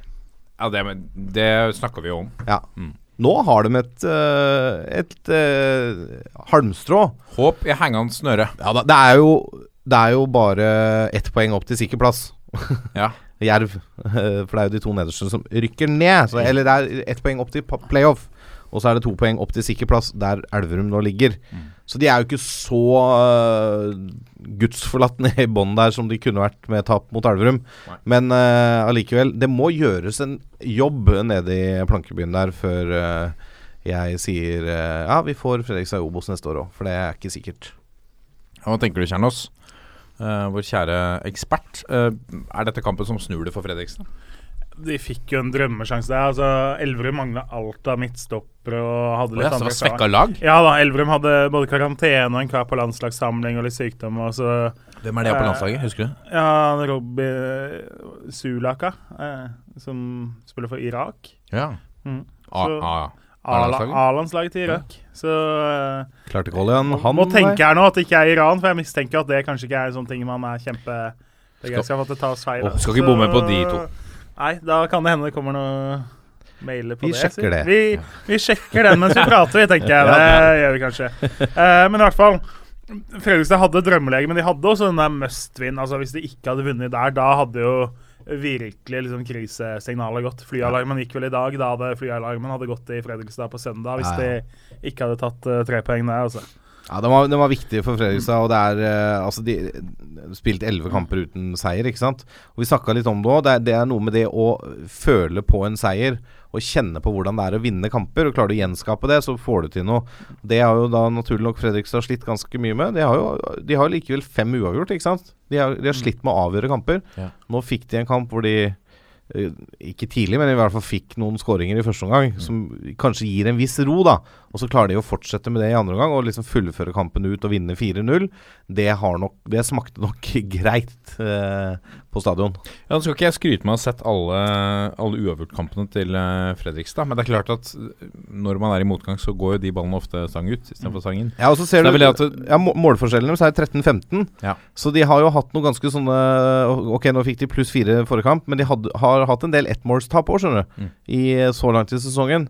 Og det, det også er et tegn på at de sliter med å avgjøre kamper til sin fordel. Og Ja, det kan være stang ut, det kan være marginer og alt sånt, men de sliter med å avgjøre kamper. Spiller mye uavgjort og taper mye med, med ett mål. Må skyte inn at godeste Sulaka er iraker, så vi kan puste, Iraker, ja. puste letta ut. Men Ja. det, Sa du ikke Iran først? Nei, jeg sa Iran okay. først. Nei, nei. Rolig. Men Helt rolig. på Fredrikstad, altså Det har jo de siste åra så har de jo skifla ut halve stallen. Henta inn masse fine navn og sånn. Slitt med å få et lag, og så har det vært krise, og så har det akkurat berga. Det er jo samme melodien eh, på nytt og på nytt og på nytt. Det er jo som en sånn barne-TV-serie hvor du har du sett den ene, så har du sett alle episodene. Samme er Fredrikstad for tida. At uh, Samme tralten hvert år. Uh, og så sånn som nå, så henter jo denne Kevin Wright som venstreback. Mm. Uh, så er jo ikke han fantastisk. Og så trenger de en høyrebekk, de trenger en kant, de må ha noe løsning på midten. Så dukker liksom Razak Nuhu opp veldig venstrebekk. Nå Mm. ble han prøvd som venstrekant mot uh, Elverum. Var jo ikke noe suksess der. Så, liksom, så sitter du med to venstrebekker. Du har eh, Christian Brix, som jo eh, har spilt mye på midten, men jo kanskje er best som venstrebekk. Og så uh, har de henta masse stoppere, for de skulle spille 3-5-2. Ja. Uh, og så har de plutselig ikke høyrebekk, så da må liksom en stopper som er veldig ukomfortabel på bekk, spille bekk. Og, uh, så det er litt sånn der, Det er dårlig planlegging og mye lite kontinuitet og Ja, det har vært lite kontinuitet i klubbdrift òg, da. Og mye rare valg på økonomisida der. Så det er jo en klubb som har vært i fritt fall lenge, egentlig. Og For jeg har fått litt kjeft på administrasjonen og sånn. Ja, det er, det er, altså administrasjon, styre og stell. Altså Det er mye som er gærent i Fredrikstad, dessverre. Det, um, Tenk at det, det er Vi har snakket om det før, men det er ganske kort vei fra Fredrikstad til Sarpsborg. Ja. Men forskjellen i klubbdrift, i prestasjoner, i akkurat alt, nå ja, ja. er Altså, det er jo natt og dag. Det, det virker som Se på Fred- Thomas Berntsen og, og de gutta har fått det der nede. Men det, Men det- ja. ja, det, nei, snakk det virker som Fredrikstad ikke har takla uh, hegemoniskiftet. De har ikke takla at, eh, de, at uh, Sarpsborg gikk forbi. Eh, det, det kan godt hende at eh, miljøet, fotballmiljøet i Østfold er så lite at uh, Østfold kun tåler én toppklubb. At det er det som har på en måte slått inn i full blomst nå, når uh, Sarpsborg har tatt eh, steget opp og stabilisert seg i Eliteserien. Men det er, eh, det, er, det er noe fryktelig galt i Fredrikstad. Eh, apropos det der hegemoniet, da. Uh, I fjor så mener jeg så en statistikk publisert av Sarpsborg, uh, merkelig nok, på at liksom i alle tellende kamper fra gutt 14 eller gutt 16 eller hva det var, uh, og opp til liksom A-lag Det var snakk om 10-12-14-18 kamper sånt noe. Uh, Sarpsborg da vant alle, bortsett fra et par uavgjort, og tapte ikke en eneste kamp mener jeg, for Fredrikstad i fjor. På ganske mange aldersbestemte nivåer, da. Eh, så det er, det er ikke bare liksom at A-laget, at Sarpsborg har en opptur der og Fredrikstad en uh, nedtur, og så snur alt om to år. Det har virkelig skifta nå, Mm. fra Fredrikstad til uh, Sarpsborg der. Helt klart. Men tror du det er et alternativ for Fredrikstad å ta en telefon til Sarpsborg og spørre Kan dere hjelpe oss litt, eller kan vi De prøvde jo bl.a. å hente Tor Øyvind Hovda i uh, vinter, som jo er ganske langt bak i rekka for spilletid i Sarpsborg. Mm. Uh, han ville ikke selv. Har fått ganske lite spilletid nå. Eh, han, f.eks. Kristoffer Nordmann Hansen, som har spilt minimalt, er en god Obos-ligaspiller. Anvendelig, nyttig. Morten Sundli har ikke spilt i Sarpsborg i det hele tatt i år. Eh, det er jo klart Nå er det godt med stoppere, i hvert fall i antall, i Fredrikstad. Men det er i hvert fall tre navn som jeg tipper at eh, de snakker om i Fredrikstad før vinduet nå, altså. Ja, De bør i hvert fall legge til side sånn der, den stoltheten om at vi, vi kan ikke hente spillere fra Sarpsborg. Og ja, Det mener jeg ikke. Nå, nå, nå tenkte jeg egentlig på litt hjelp på administrasjonssiden, ja, jo, jo, men det kan jo ligge litt der. Ikke sant? At det, er- det sitter litt langt inne for Fredrikstad å hente noen fra Sarpsborg. Og så bør det for Sarpsborg sin del òg være litt sånn Ja, ok, hvorfor ikke? Altså, det er ikke noen konkurrent. Fredrikstad er ikke noen konkurrent på noe som helst måte i uh, fotballen. På, på, I hvert fall de neste to åra.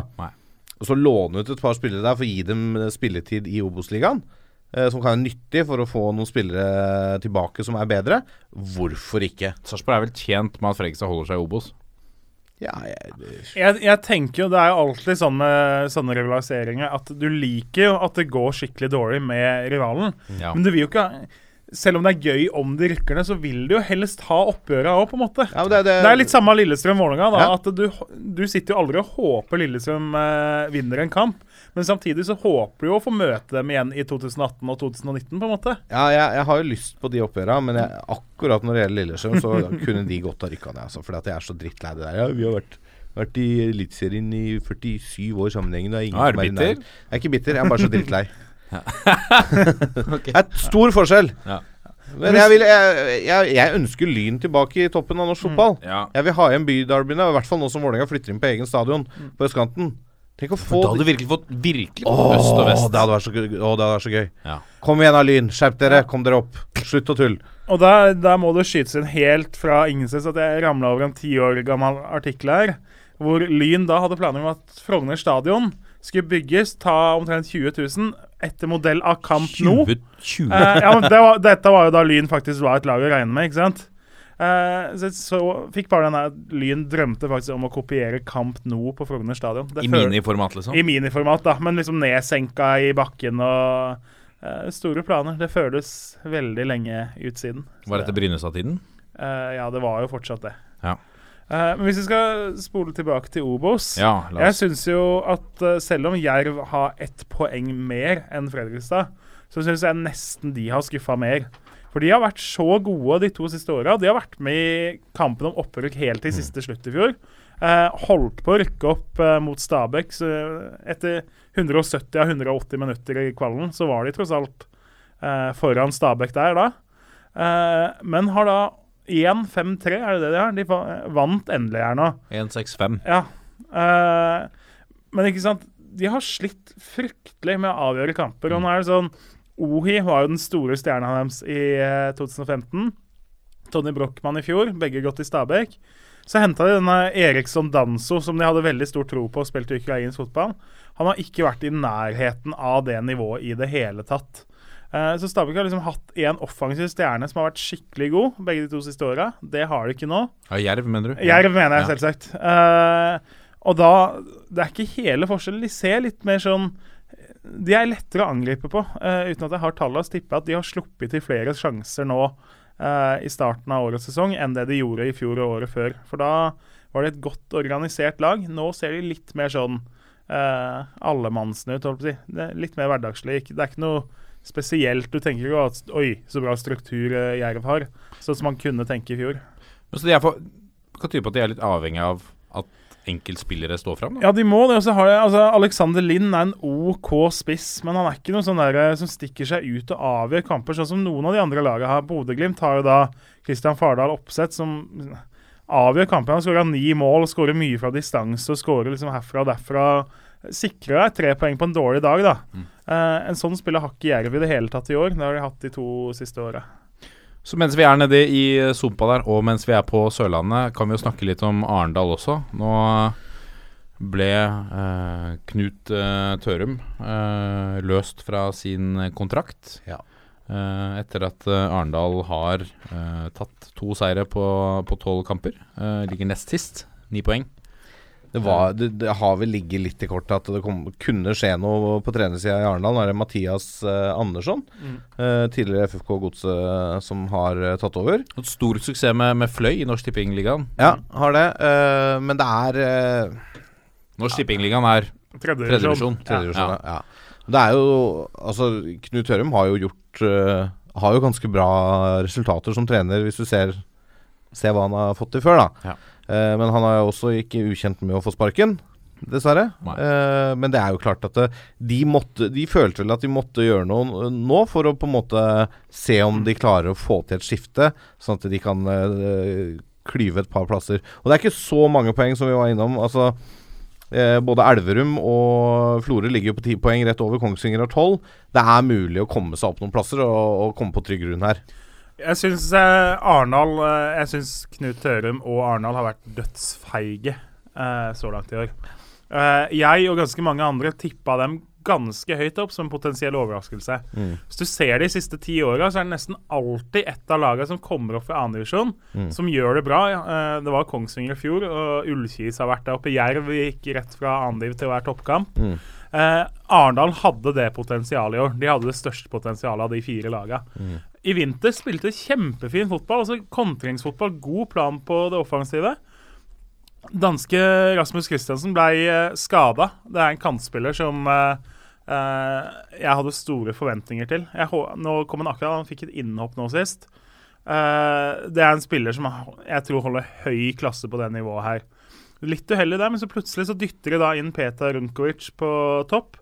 Eh, en spiller jeg jo elsker, men han er jo, ikke sant, Slåland, han er hodesterk, duell, gi alt. Han hører jo ikke hjemme i den stilen eh, Arendal spilte og var gode på i vinter.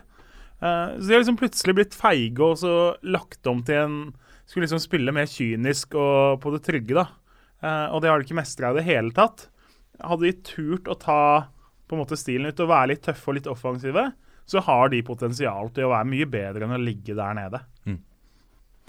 Men når vi beveger oss litt lenger oppover eh, tabellen Foran nevnte Jerv så har vi jo eh, Elverum, Florø og på 11.-plass Kongsvinger, som startet forferdelig skuffende. Det var jo et av de lagene som skuffet eh, mest, ved siden av Fredrikstad og Ja, de, Ja. de var jo lenge ett av mange lag som ikke hadde seier eh, etter flere eh, spilte kamper. Og de sleit voldsomt. Uh, Tapte over en lav sko, og det så ut som et desidert nedrykkslag. Og så plutselig så fikk de en seier, og så fikk de, så fikk de tre på rad. tre på rappen. Ja, og da Så tett som det er fra 11.-plass, eller kanskje 10.-plass òg, Mm. og ned i Obos-ligaen, så er tre seire på rad, altså ni poeng på tre kamper, det eh, hjelper voldsomt. Nå har Kongsvinger tolv, for de har jo da også tre uavgjort. Og da er det jo på ganske trygg grunn. De er tre poeng ned til playoff eh, og nedrykk, men eh, allikevel, det gjør jo ikke noe for eh, Kongsvinger at de eh, fikk de eh, seierne, selv om de nå tapte mot Levanger sist. Ja, men det tapet mot Levanger må vel Altså, de har, de har fire seire på rad. De er et av de kanskje det fremste formlaget i Obos eh, akkurat nå. Så den Jeg vet ikke hvor mye de depper etter den matchen her, sånn som sesongen har blitt. Eh, men nå blir det veldig spennende nå, da, å se om nå, For nå møter de Fredrikstad. Eh, to virkelige gamle fotballstorheter i Ja. norsk uh, fotball. Og det er, det, dette igjen er en sånn kjempeviktig kamp for begge lag. da Ja. Altså Skulle Fredrikstad finne på å vinne den kampen her nå, så er de ett poeng bak Kongsvinger. Og da, da er Kongsvinger fortsatt godt ned i gjørma. Men klarer Kongsvinger å vinne, så får de luke til den verste nedrykkssiden. Ja. Så det er, det er sånn det man eh, på godt norsk kaller en sekspoengerskamp. Hvis vi går litt lenger oppover tabellen, eh, ta Mjøndalen f.eks., som har ligaens eh, toppskårer, Jamal eh, Pellegrino. Eh, de ligger vel der som Mjøndalen egentlig skal ligge, Kjernås? Ja da, og de har fått litt bedre struktur på det. Truffet Altså Pontus Silfer, som de henta fra Superettan nå i vinter, har vært strålende sentralt på midten. Eh, det har kanskje vært det største savnet for dem, både da de var i Eliteserien og de siste åra i første liv. Eh, de har ikke hatt den der midtbanesjefen. Det har de nå. Uh, ofte variert mye på laget, slitt litt med å finne beste posisjonen til spilleren. Nå eh, har elverne ligna ganske mye på hverandre fra, eh, fra kamp til kamp da, i Mjøndalen. Nesten litt utypisk. og uh, Funnet en god oppstilling der. Eh, så har du da Pellegrino, som er giftig når han kommer luskende litt sånn usynlig inn fra venstrekanten og plukker opp litt. Eh, det er nesten så feilslåtte innlegg. Ser ut som det er liksom beste måltidet han kan få. da. Eh, for Han ligger litt sånn bak i feltet, og så tar han de balla som man tror skal forsvinne ut i innkast, og så Ja. hamrer han de ned i hjørnet. Ja. Eh, og så har de Boje på topp, som er litt sånn uh, Du veit ikke helt hva du får av han. da. Jeg tror ikke Vegard Hansen heller er helt klok på hva han kan forvente fra kamp til kamp. Mye energi, mye vilje, en del X-faktor, en del fantastisk frustrerende forsøk på ting. Men åtte mål og vært livlig. Så de har funnet liksom De har funnet målskårer og de har funnet midtbanesjef. Det har ikke de hatt de siste åra. Og liten joker i opprykkskampene enn så lenge. Altså, altså eh, Mjøndalen har skåra 24 mål. Mm. Eh, 17 av de har Pellegrino og Boje. Og det er jo, det er jo kun eh, Start på tredjeplass og Bodø-Glimt på førsteplass som har skåra mer. Ja. Eh, det er imponerende antall skåringer, altså. Det er interessant Men de er avhengig av de to, da. Ja, ja, ja, absolutt. Og det er vel ikke utenkelig at de heller kanskje kan eh, forsvinne, eller? Nei da, det trenger ikke være det. Det Pellegrino holder vel kanskje ikke helt det ypperste Nei, nivået? altså, altså Vi sier jo at fotball er ferskvare. Ja.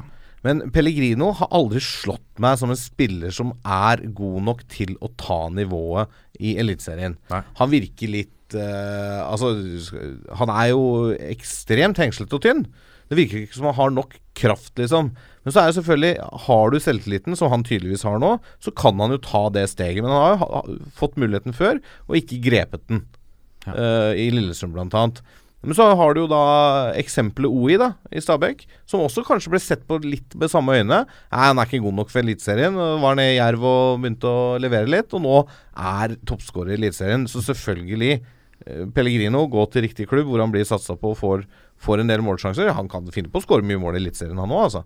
Velge riktig klubb, velge riktig formasjon. Ja, eh, spillestil eh, er viktig. riktig trener. Og Helt åpenbart. Ja. Men store positive overraskelsen så langt er det jo ikke tvil om. Da må vi til Trøndelag og Trondheim. Da Ja. må vi til Ranheim. Ja, ja. Eh, klart det, er jo eh, kanskje litt langt å dra og kalle det Norges Atletic Bilbao.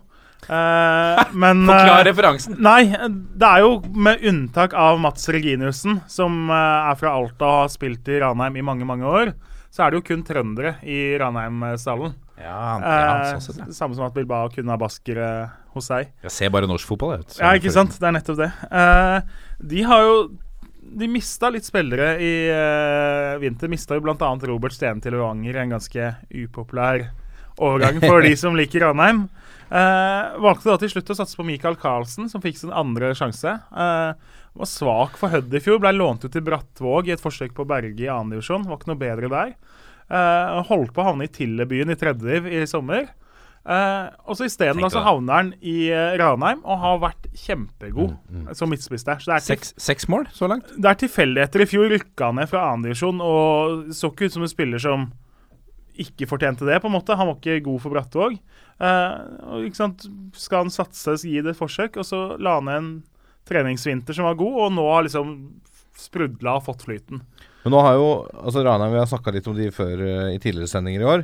Eh, og de har vært imponerende, men nå har de jo da eh, fått eh, sine to første tap. På de tre siste kampene så er det to tap og én seier.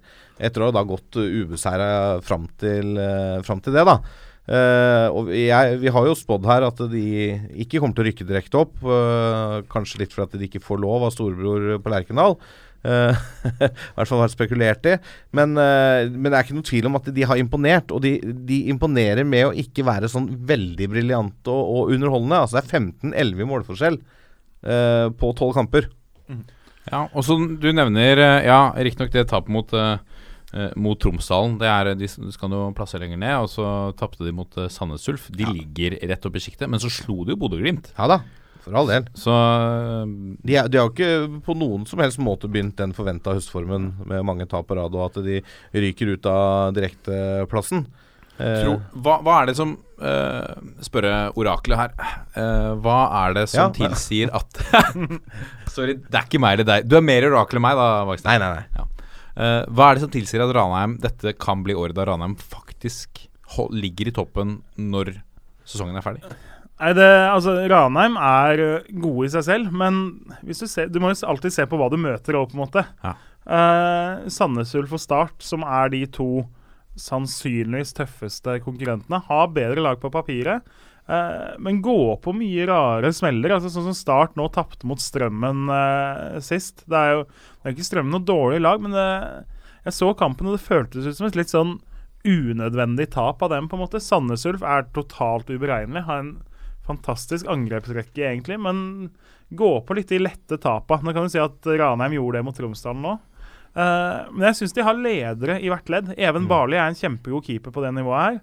Uh, og så har du unge Eggen Rismark. Han er ikke så ung lenger, men uh, i forhold til bestefar Nils Arne Eggen, så er han jo ung. Mm. Alle er vel for så vidt ganske mye yngre enn bestefaren sin, men uh, uh, han har da ikke sant, vært utlånt til Orkla i tredje, spilt mye tredje for Ranheim 2, sitter på benk. Nå er han plutselig kaptein og leder en god midtstopper på det nivået. her. Eh, gjort en innsats klubben har, gitt den tillit og gitt den sjansen og hatt troa på han. Det er ikke noe sånn bruk og kast-mentalitet i Ranheim, sånn som det er i f.eks. Fredrikstad. da. Hvis du spiller fire kamper og ikke helt presterer, så er du ferdig og vi kjøper tre nye i din posisjon. Uh, så har de Mats Reginersen som jeg syns uh, har vært kjempegod på det nivået her uh, lenge.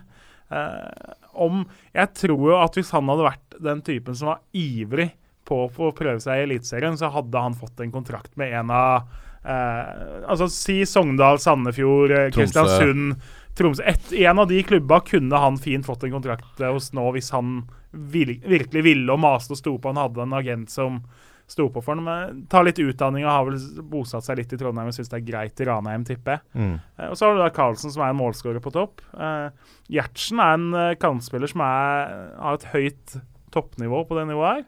Storflor holder fortsatt, selv om han har vært en del syk og litt borte nå i det siste. da. Eh, så de har litt de der eh, som stikker seg kanskje enda mer fram på banen enn de har hatt noen av de andre gangene hvor de har ligget i lignende posisjoner. Tror dere at Ranheimsdalen ønsker å rykke opp? Ja. Det Det slo meg akkurat nå, vi, når vi har diskutert det. Eh, laget er fullt av trøndere. Så det er, en, det er jo en gjeng her også, som du sier, Mats Reginiussen, som hvis han på en måte hadde gutsa det lille ekstra, så kanskje han kunne tatt steget opp. Kanskje altså å vinne kamp på kamp på et forholdsvis høyt nivå som Obos er, kontra å gå opp et nivå og mest sannsynlig tape de fleste, som de kommer til å gjøre. Uh, det er et stort skille, og det også kanskje frykte at eh, Ranheim vil hente inn spillere som er bedre enn de, for å kunne holde seg i Eliteserien. Det, det siste jeg hadde vært veldig interessant å se hva Ranheim hadde gjort med den filosofien sin hvis de rykka opp nå. Kjørt til Mjøndalen, liksom. Beholdt Ja, ikke sant? Hadde de plutselig henta en kar fra Litauen og to fra Nigeria og én fra øh, Vest-Agder, liksom? Eller hva hadde de gjort? Kjempeinteressant. Men det er ingen Sånn sett, for, for å avbryte deg igjen, da. Sånn sett så kan hvis det er det som skjer, så kan et opprykk være med å ødelegge en del av sjelen og identiteten til klubben. Ja, ja, det er, og det er mange som har gått i den fella. Ja. Det er å ødelegge et godt fellesskap og hente inn en hel haug med spillere. Ja. Uh, men det er ingen som spiller i førstedivisjon som ikke har lyst til å spille i Eliteserien. Selv om jeg mener at ikke sant, Reginiussen eller Storeflor, som nå har gått ned et nivå, kanskje ikke har helt den driven, og det er 100 så har de lyst til å rykke opp. Hvis de ikke hadde hatt lyst til å rykke opp, så hadde de spilt i Nardo eller Byåsen eller et eller annet annet lag enda lenger ned i divisjonene. Ja, plutselig så risikerer, risikerer de å rykke opp, de òg. Eh, Charlottenlund i fjerdedivisjon har jo en haug av gamle Ranheim-spillere som ikke syns det her med sju treninger i uka og satse ordentlig var gøy nok lenger. Da Uh, Hvis du er der i Ranheimsdalen nå at du ikke syns uh, opprykk er noe du har lyst til, da går du til Tjalla og spiller fjerdeliv isteden. Men jeg tror uansett, hvis Ranheim skal opp, så må de gjøre det med å komme én eller to. Da må de rett opp. Ja. Jeg tror havner Ranheim på kvalik, så Ja, de har tapt den før. De har tapt noen kvaliker. Mm. De har gått langt i kvalik, men tapt uh, siste vel også, så ja. Nei, jeg tror Jeg, jeg også tror jo selvfølgelig at spillerne vil rykke opp. Ja. Men det har ligget noe der tidligere i hvert fall som har, har virka veldig sånn som at eh, For de har vært gode før, tidlig i sesongen, og så har de gått på noen smeller utover høsten og ikke klart å holde det inn. Uh, uh, jeg håper jo selvfølgelig at eh, spådommene våre gjøres til skamme, for det hadde jo vært litt gøy å fått et uh, by-derby Ja, ja. i Trondheim. Ja. Det, det, det tror jeg til og med de på Lerkendal hadde syntes vært litt gøy. Forrige gang var vel Strindheim i 95, vel? Ja, noe sånt. Så det så Nardo var ganske nære med Roar Stokke som trener òg. Så er det da over 20 år siden vi hadde et, et trondheimsk bydarby i eliten. ja, det har vært stilig. Det har vært stilig. Lykke til i eh, Ranheim, eh, Michael Carlsen og Så de må vi jo skyte inn alle disse nydelige sangene som de holdt på med for noen oh. år siden. Det, eh, Ranheim, ja. ja. Hva hadde de gjort på sangfronten hvis det ble eliteserie? Det Jeg kjenner jo at den derre Dra et eksempel for oss, Kjernos. Nei, jeg tror ikke vi skal synge noe her, men det er bare å søke opp Ranheim på YouTube, eh, så tipper jeg disse ra, ra, Søk opp ra, ra, ra, ra, ra, ra, Det var- Ranheim. Det var, my det? det var mye er barne-TV-melodier ja. eh, som fikk er uh, det. Ranheim-varianter av seg. Eliteserien. Uh! Der har vi den. Kjør! Eh, For øvrig så er jeg ganske sikker på at Bodø-Glimt rykker opp. Eh, Jeg kaster, eh, kaster en brannfakkel. kommer luken bare til å bli større? Nå er den på fire poeng ned til andreplass. Ja, jeg, tror det. Det er uh, tøft Altså, å gjøre med Obos. de, de kommer til å cruise gjennom. De går rett opp. Det, det, altså her I Obos kommer kampen å stå om å sikre seg den andre direkte oppbruksplassen, og selvfølgelig kvalik.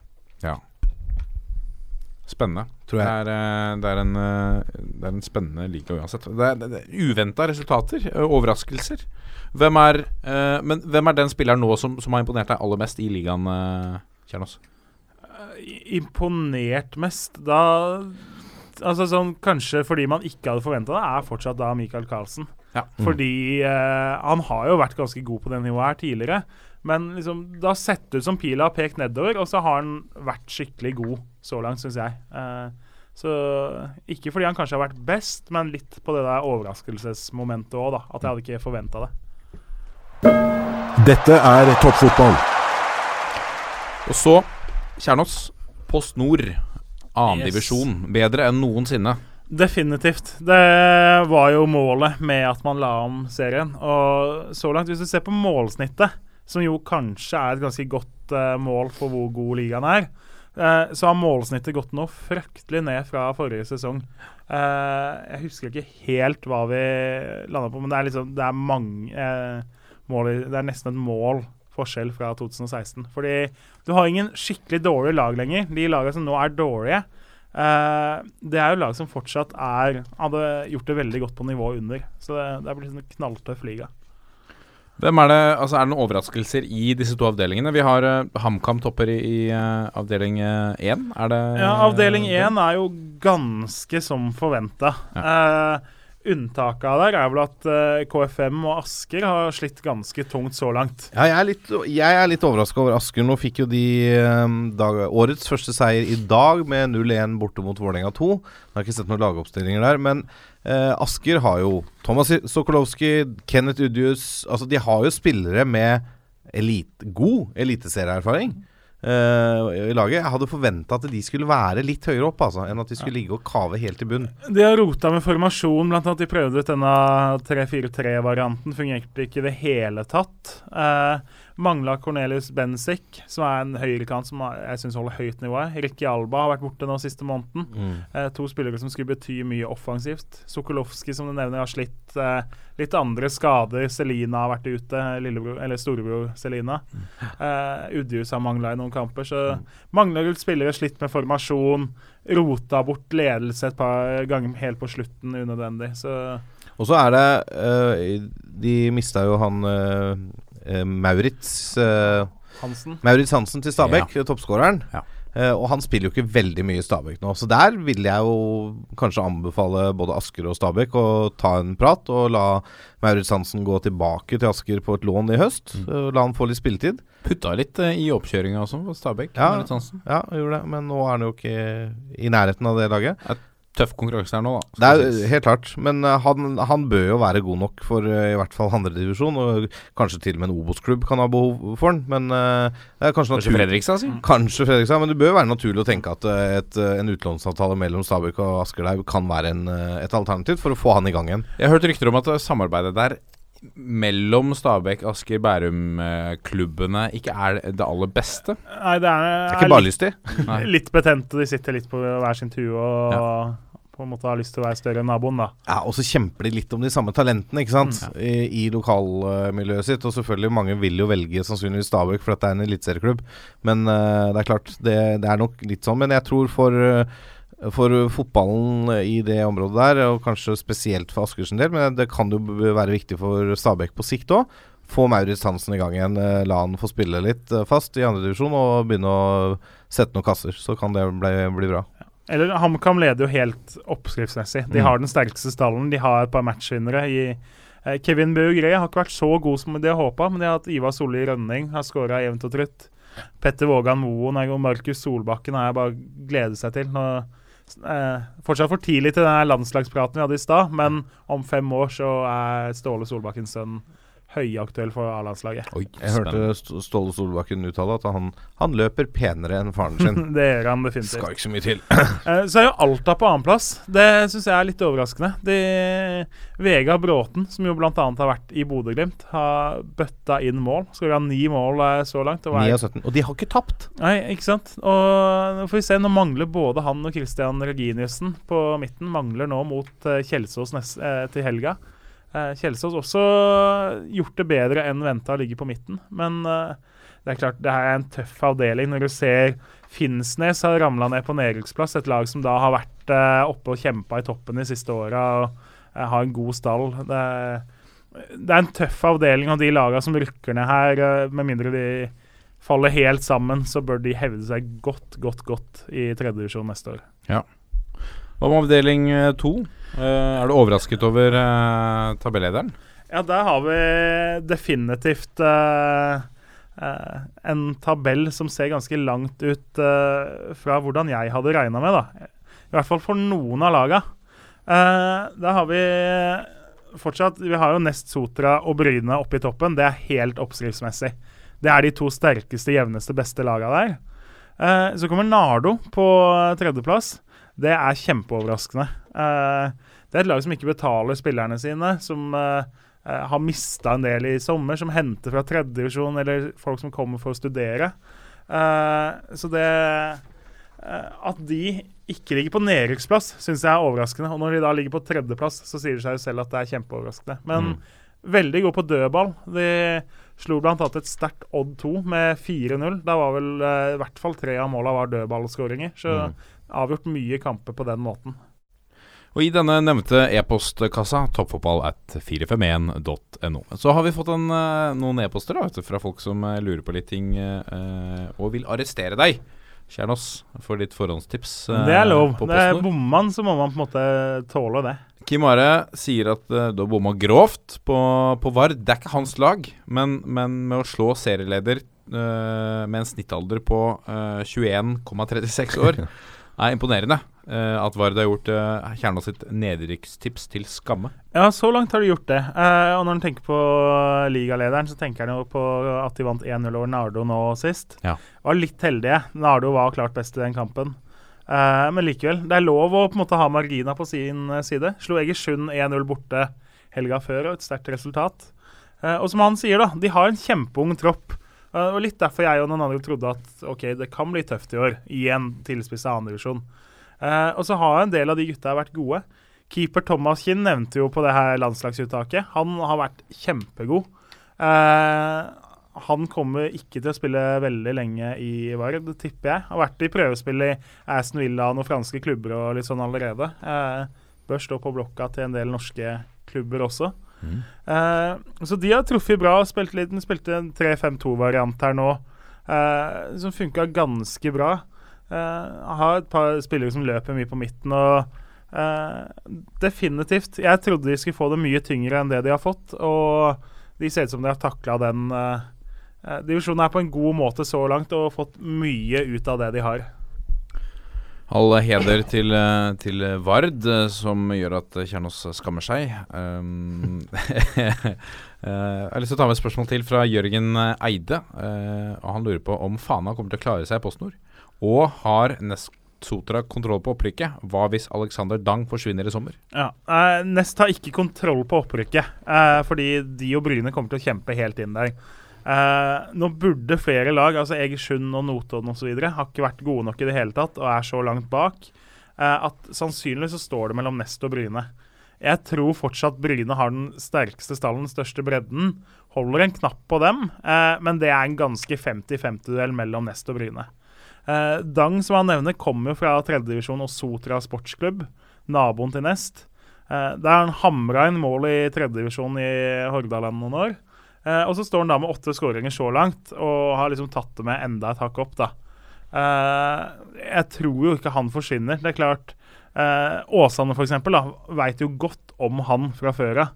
Eh, så hadde han hatt veldig lyst, og de hatt veldig lyst på han, så hadde de henta han i vinter eller i fjor eller året før. Eh, men klart, skulle han forsvinne, så mister de jo en storskårer. Eh, Jeg står med åtte mål på åtte matcher. ja, det er jo fantastisk. Og så har han jo da Jon, Jonny Furdal bak seg, som er uh, en artist i andredivisjon. Som ikke har hatt den her sulten til å spille så mye høyere opp. Men uh, i andredivisjon er det en fantastisk spiller med en milliard assist sånn cirka de siste åra. Eh, Men Dang òg med nesten en milliard skåringer. ja, ikke sant? Så de to sammen, det er sånn derre par som burde passe perfekt, og så langt har passa ganske perfekt. Er det de som har gjort at Nesotra ligger helt der oppe? Ja, blant annet. Og så henter jo da De har henta mange nye. De mista jo veldig mange til uh, høyere nivåer i løpet av uh, vinteren. Mista vel fire mann som gikk til førstedivisjon eller Eliteserien. Eh, så de henta liksom åtte, ni, ti spillere i løpet av vinteren. Blant annet Andreas Røsand fra Kristiansund. Spilte ikke noe i fjor, men fra 2015 og liksom noen år tilbake kanskje beste spilleren til Kristiansund. Eh, andre delen av spørsmålet er klarer Fana seg i uh, serien. Ja. Der kan vi svare enkelt nei. Det, det er klart De dømte nord og ned før. Nei, de, jeg, jeg, jeg trodde de skulle liksom klumpe seg akkurat over streken. Uh, jeg har sett de to siste kampene deres nå mot uh, først 0-4 bort mot Vidar. 2-5 hjemme for Vindbjart. Uh, det er to lag som du bør kunne kjempe mot hvis du skal berge deg. jeg bryter inn. Har du sett de siste kampene til Fana, Vakstein? Nei. Det, det har jeg ikke gjort. Fantastisk. Ja, sorry. Det er ganske fint nå Nå, send, nå sendes jo alt av andredivisjon direkte på nett. Det er jo eh, jeg, jeg, jeg trenger egentlig ikke julegave i år etter den, eh, hvis de bestemmer seg for å fortsette det. Eh, så man kan se mange kamper samtidig. Det er helt nydelig. Tenk de, alle de du ikke får sett live, kan du bare se opptak i jula. Du kan faktisk se opptak, for Lykke alt til. ligger ute av førsteomganger, annenomganger og pauser, og det er helt nydelig. Er så fint. Eh, men Fana eh, fikk jo da Rune Vindheim, var jo trener far til Andreas, uh, jobba lenge i Hordalandsfotballen. Falt ned fra en stige i fjor da han skulle male huset eller et eller annet, og blei alvorlig skada. Eh, så han er jo da eh, langt unna å kunne komme tilbake i noe trenergjerning. Patrick Hansson, som jo har vært assistenttrener i Brann, tok over eh, i år. Eh, I fjor var Fana et fryktelig godt defensivt uh, fundament. I år så altså Det ser ikke ut som de har øvd på det å forsvare eget mål i det hele tatt. 26 baklengs på ni Ja, kamper, altså, det er ikke sant, Når de eh, slipper inn ni, uryddig. ni mål på de to kampene jeg har sett nå, og de er kjempelette å angripe mot. Uh, spilt i en 4-4-2-variant som ikke har funka i det hele tatt. Masse rom bak, mellomrom på sidene. Bekkene og stopperne har liksom 100 meter mellom seg. Det, eh, de må øve seg masse på defensiv eh, struktur eh, uke inn og uke ut av straffetrening hvis de skal ha noen sjanse. Ja. De har noen matchvinner forover. Sondre Liseth er jo en god spiss. Edin Øy, en kantspiller. Mats eh, Sande, offensiv midtbane. Har litt sånn offensive kvaliteter, men eh, sånn som de holder på nå, så ser det ikke ut som de veit hva de driver med. Jeg har et oppfølgerspørsmål til om noen klarer seg, bare sånn siden vi sitter her. Eh, klarer Hønefoss seg uh, Post Nord? Vi lovte vi ikke skulle spørre om Hønefoss. Nei, jeg må Nei, det- spørre. Jeg beklager. Ja, det bare sånn det- Stakkars, nå er den eh, Ja, ja, ja. Nei, hvis vi skal, hvis vi skal Ja. legge vekk uh, følelser sånn Det er vanskelig å se at Hønefoss skal ha tre lag bak seg i den uh, avdelinga her. Uh, det må jo da bli Fana, også Byåsen og Vindbjart, som eventuelt er de tre som vi kan kjempe mot. Nå møter Hønefoss Odd 2 hjemme i neste, og så har de nettopp Fana borte. Eh, det er to nøkkelkamper for Hønefoss. Det må bli fire eller seks poeng, tenker jeg. Begynner du å ta null eller ett eller to poeng der, da er det vanskelig å se hvor de skal plukke poengene. Nå må det mobiliseres uh, i Hønefoss. Ja, er, altså, Chicken Falls. Der har det vært uh, Altså, stallen er jo Det er ikke noe sånn at de underpresterer i forhold til hva de faktisk har av spillere, da. Men gjort en litt for dårlig jobb på markedet. Henta spillere som ikke har vært gode nok utenfra. Eh, Kenneth Diallo skulle liksom erstatte Kevin Børre. Han spilte sine første minutter for Hønefoss i en annenlagskamp nå. Skada, skade. På grunn ja, av ok. skade. Uh, Ibrahima Dramé, som var beste spissen, knakk beinet bort mot Vidar og er kanskje ikke uflaks tilbake. også. Så liksom litt uflaks, og så har du bygd stallen tynnere og tynnere for hvert år nå. Uh, nei, det Dessverre så tror jeg at Hønefoss får slite tungt. Men det er enda enklere å felle en dom da etter de to neste rundene. Er det noen av disse, mens vi, før vi runder av eh, Posten for denne gang, er det noen av disse som foreløpig eh, har eh, vist seg fram og kan være et navn på blokka til f.eks. Obos? Ja, altså Av no spillere, tenker jeg på. Ja, noen er det jo. Eh, men kanskje ikke alle de man hadde regna med, har stukket seg helt ut. Eh, men hvis vi f.eks. skal ta med en kar som- kar som Bubakar Sumare fra Eik, eh, Eik eller Egersund, da. Mm. Uh, han kom fra Vard før sesongen. Uh, herja med Viking i cupen da Egersund slo dem ut der. Uh, liten, kjapp uh, arbeidsom spiss eh, som burde eh, være på blokka, om ikke kanskje i Viking, så i hvert fall for de lagene som ligger ett hakk eh, høyere opp enn Egersund. da. Ja. Spennende. Vi, eh, vi skal følge PostNord eh, resten av eh, sesongen med noen jevnlige updates. Um, det, er, det, det er noe helt annet å følge en liga nå, som vi har vært inne på, enn det har vært før. Ja, den er blitt veldig god, den eh, ligaen. Og det, det blir interessant nivåmessig å se når de skal ut i kvalik mot nummer 14 fra Obos. Jeg tror Ja. det blir en For Da får vi virkelig se kanskje på hvor tett er vi nå Jeg mellom ligaene våre. Jeg tror det kan bli en veldig tett kamp, i hvert fall hvis du får et sånt lag som f.eks. Elverum, Tromsdalen, Florø, et av de lagene havner på kval. Ja. Eh, så er ikke de nødvendigvis favoritt mot laget fra andre divisjon. Dette er toppfotball.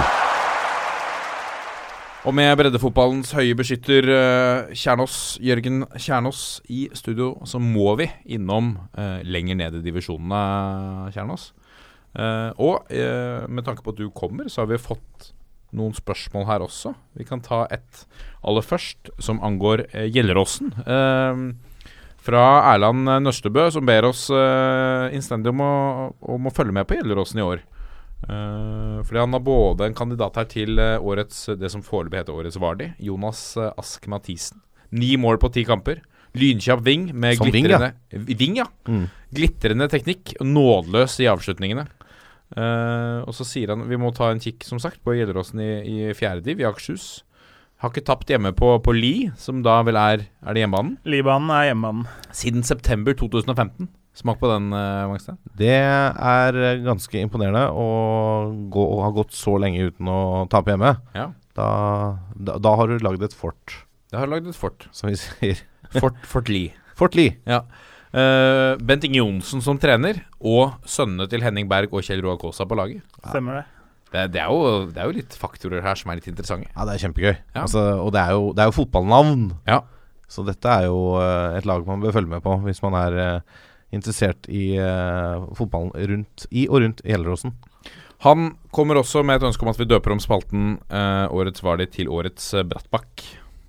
Det er jo ikke Det er jo ikke u, uh, ulogisk, det heller. Ja, han sier, Og så foreslår han alternativt Årets Harald, eller bare Harald-statuetten.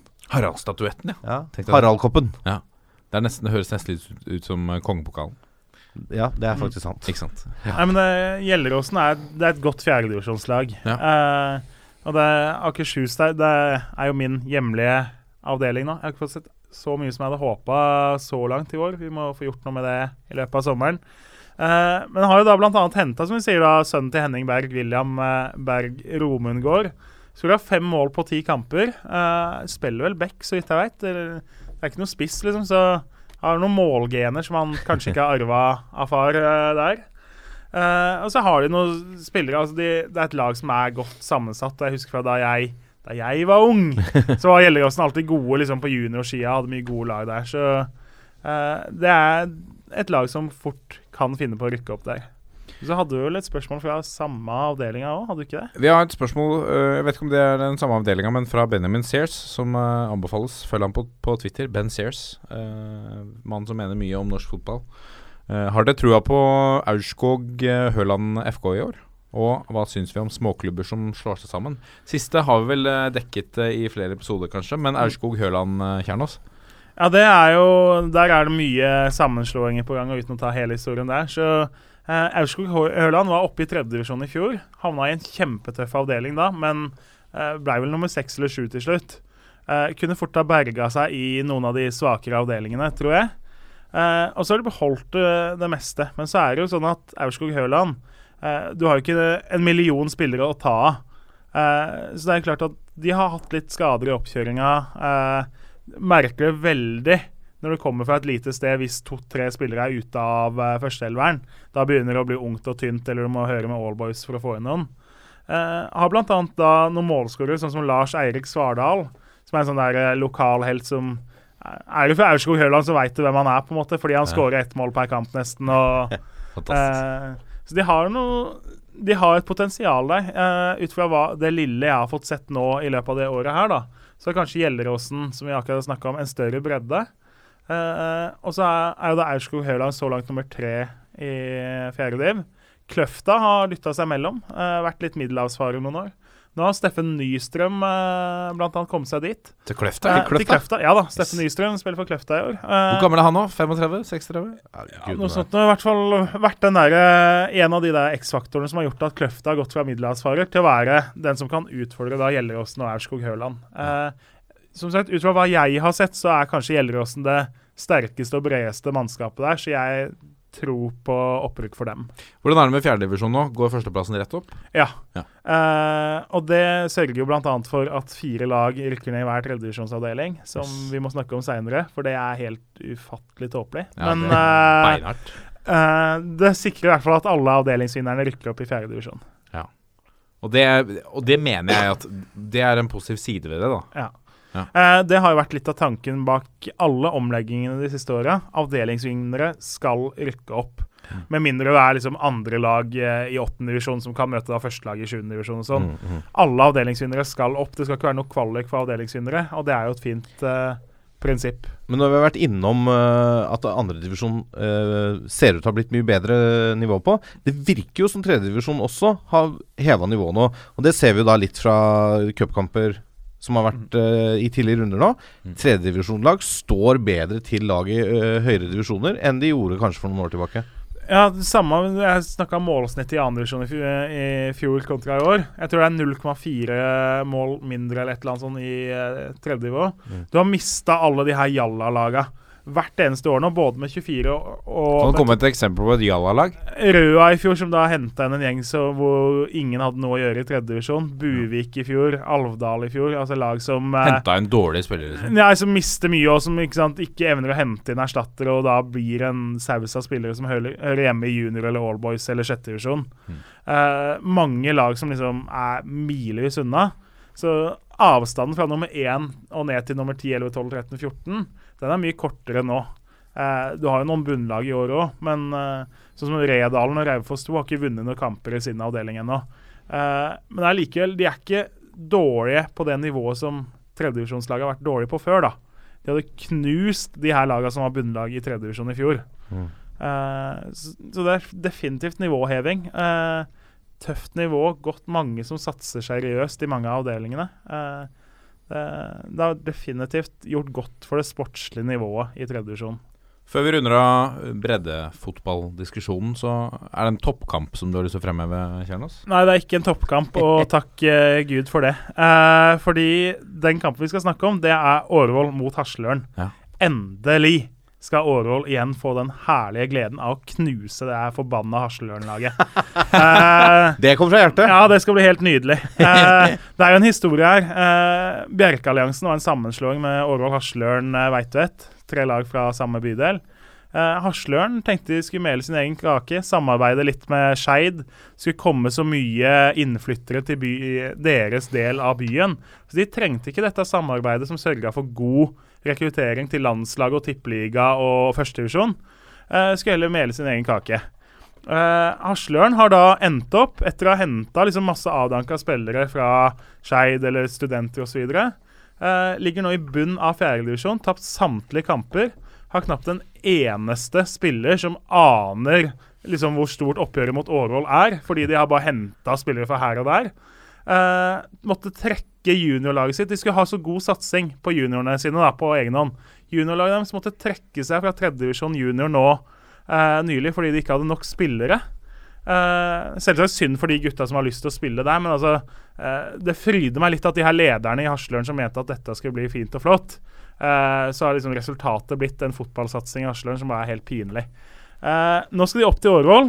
Uh, Årvoll har henta en del spillere som har spilt høyt opp nå. Simen Stamse Møller, Julian Stamse Møller kommer fra Kjelsås bl.a. og er noen av mange som har spilt høyere opp.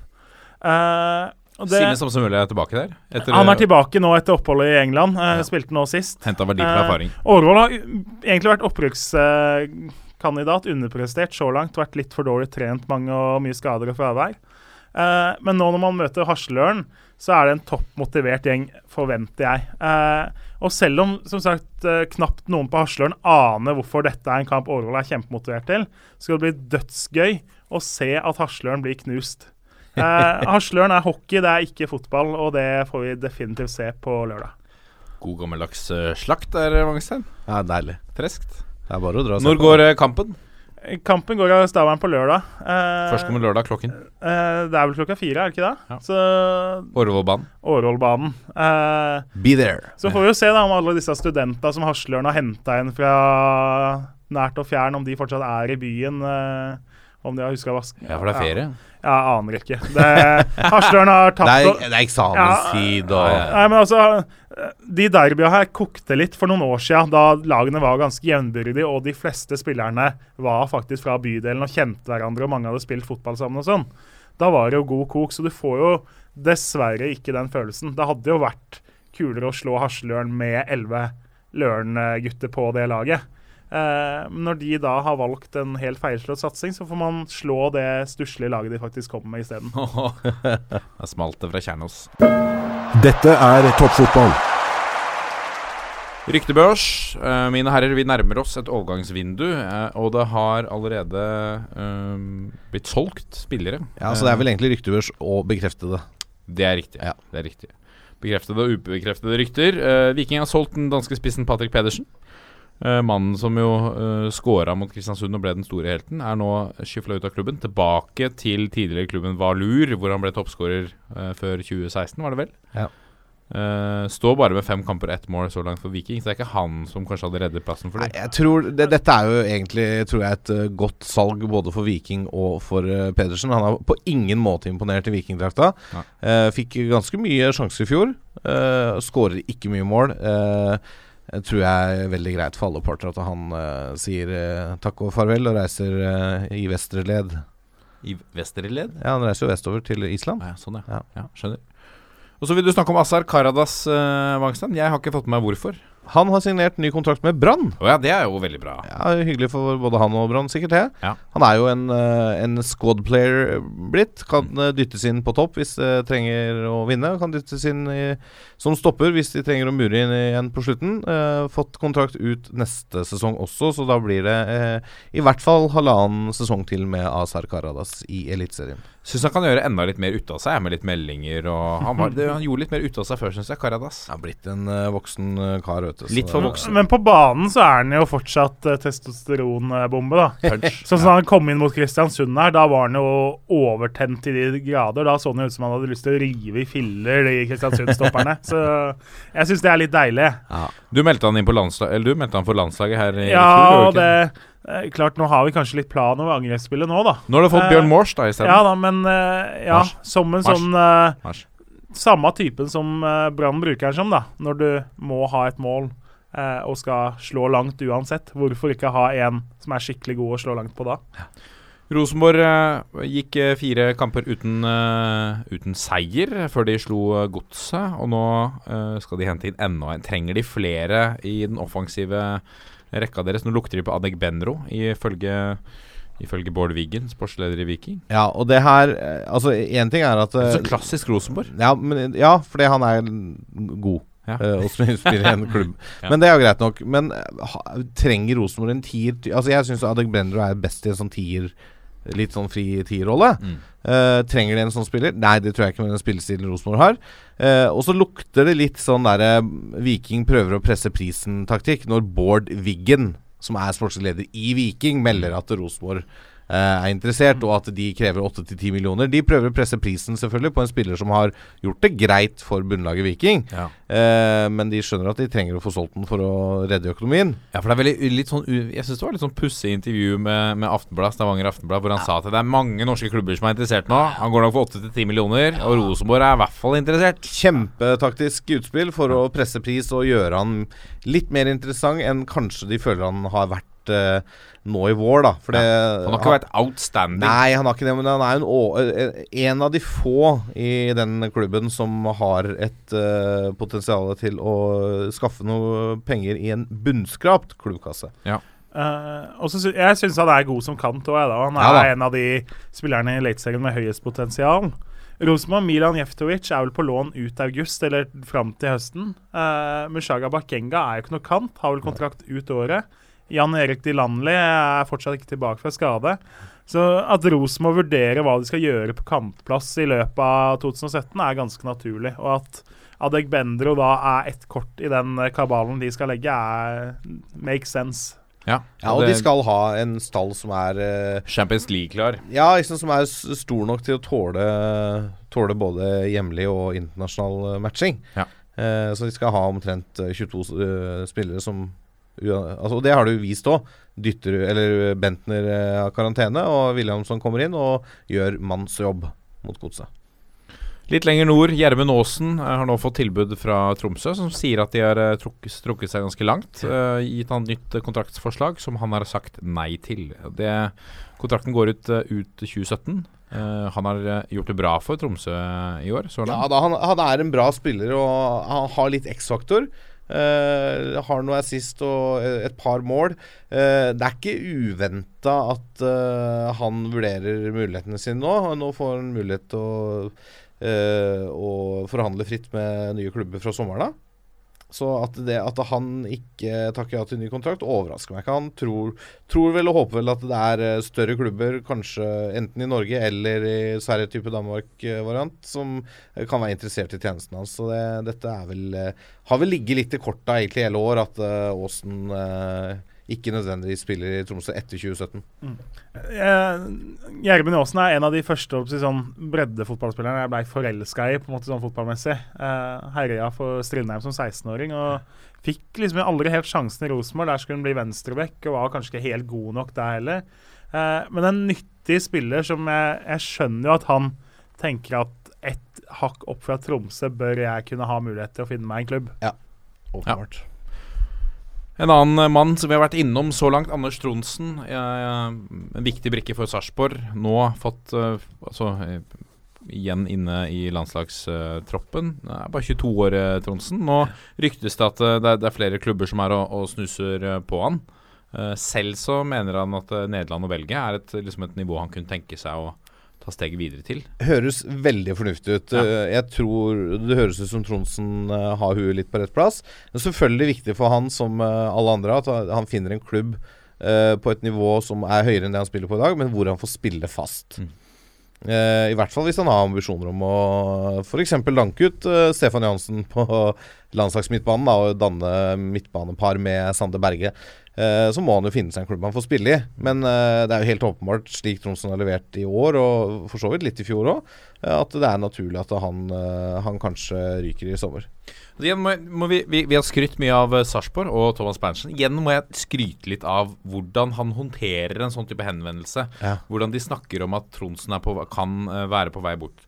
Thomas Berntsen er eh, ærlig og sier at for Tronsen så finnes det ikke noe bedre tidspunkt enn å gå nå. Eh, at tiden er inne, han har tatt nivået, han spiller bra. Uh, tiden er inne for han til å røre på seg hvis budet kommer. Og hvis de ikke gjør det, så bli her. Ja.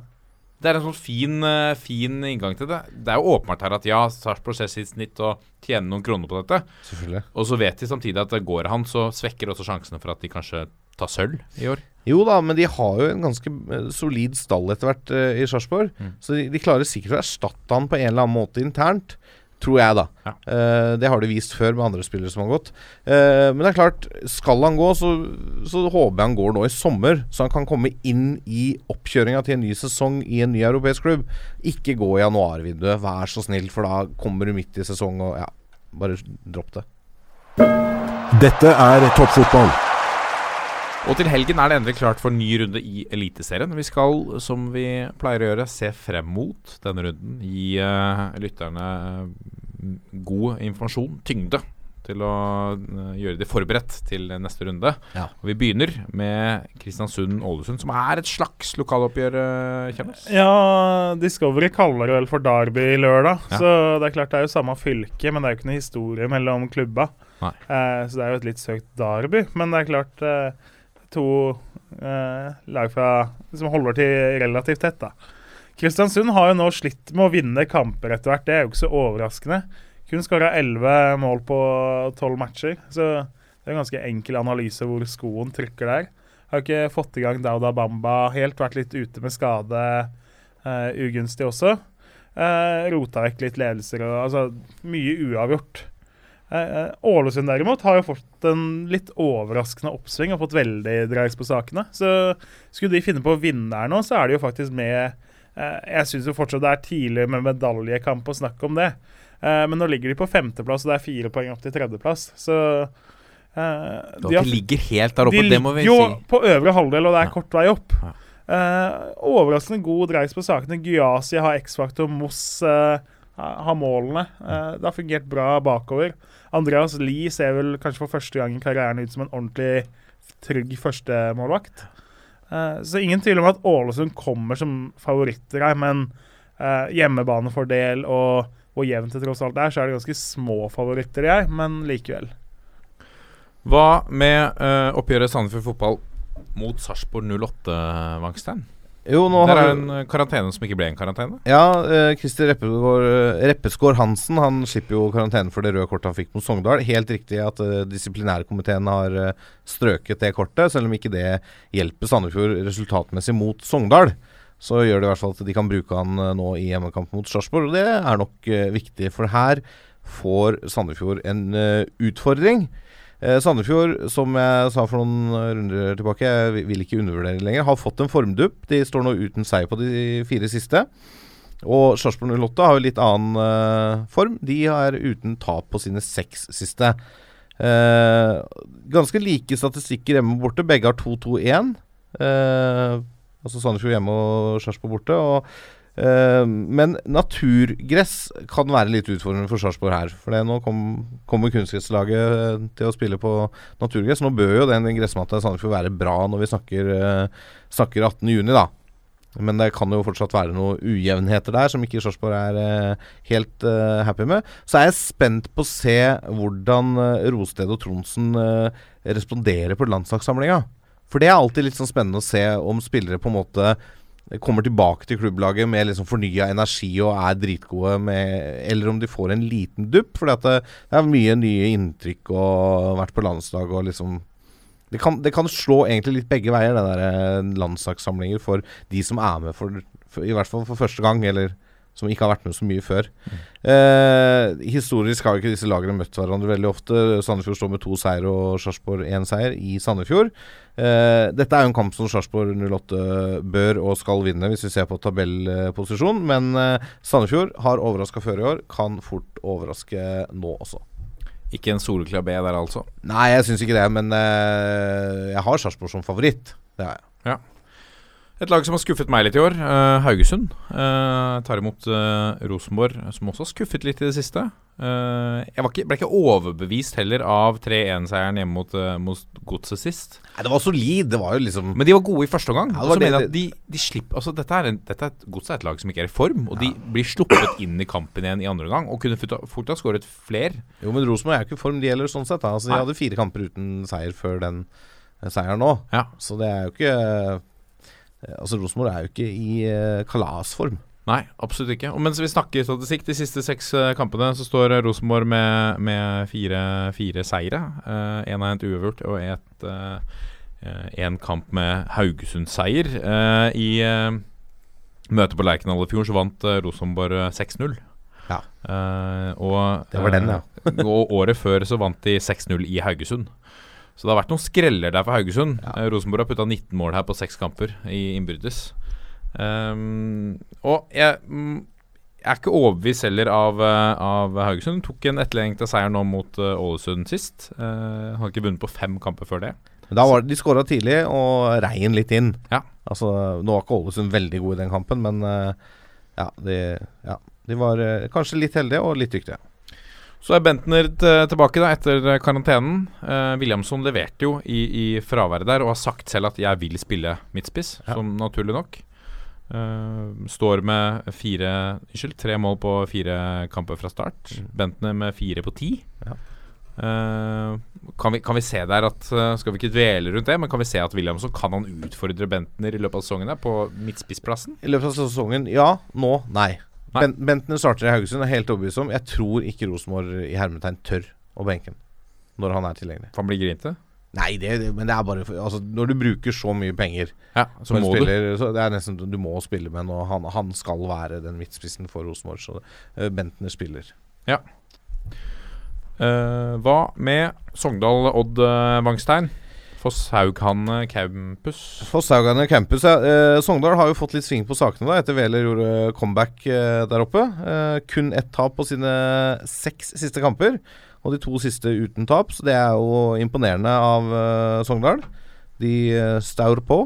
Staur på. Ja. Eh, Odd sliter jo litt. Eh, selv om de, de ligger jo tross alt på fjerdeplass, men de har nå tre kamper uten seier.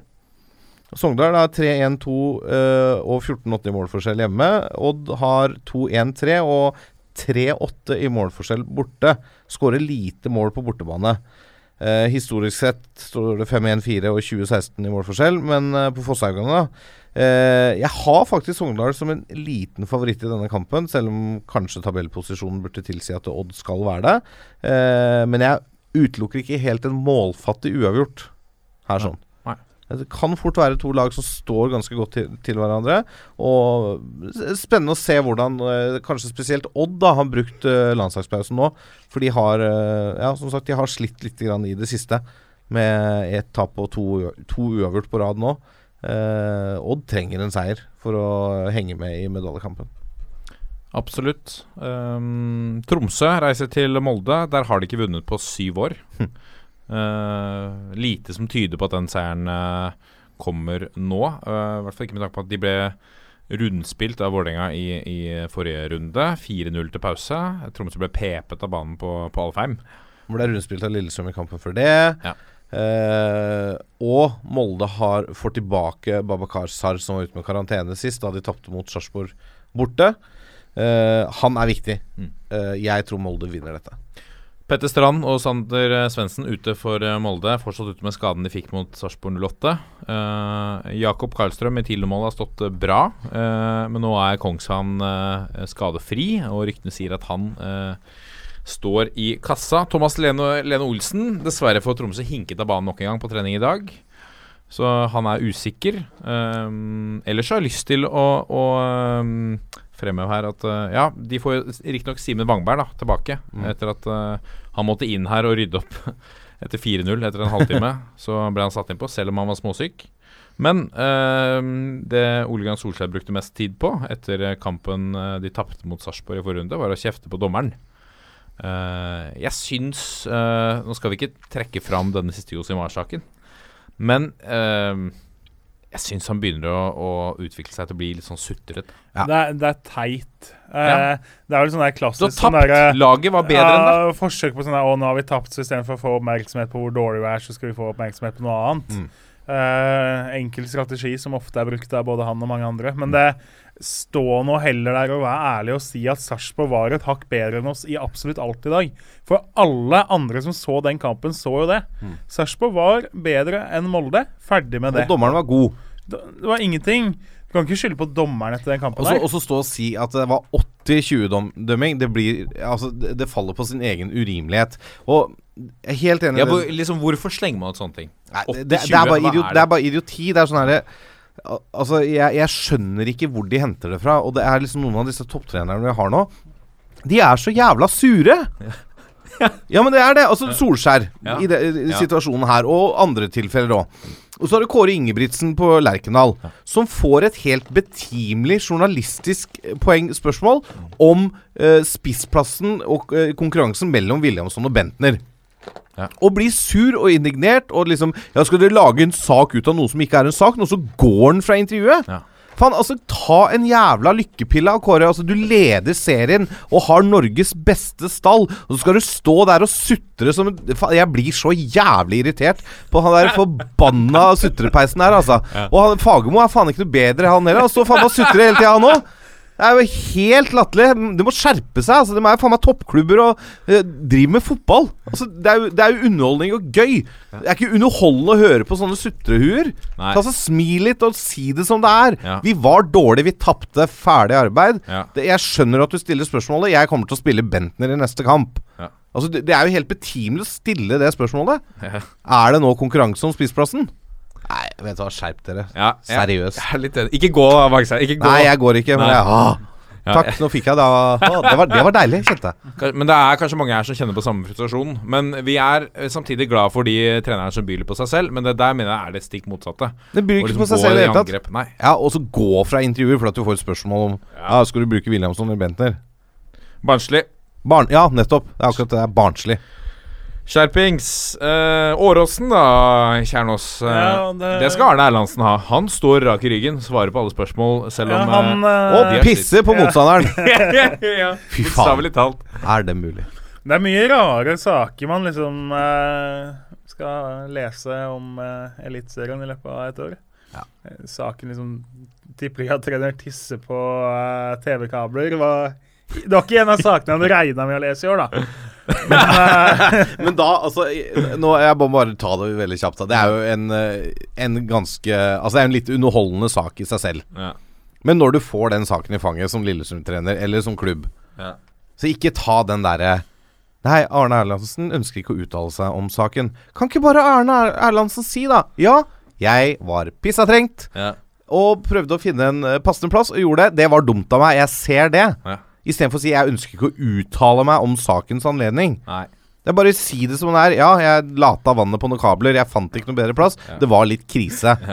Og, og Sliter du med prostata, da, så si det, da. Ja.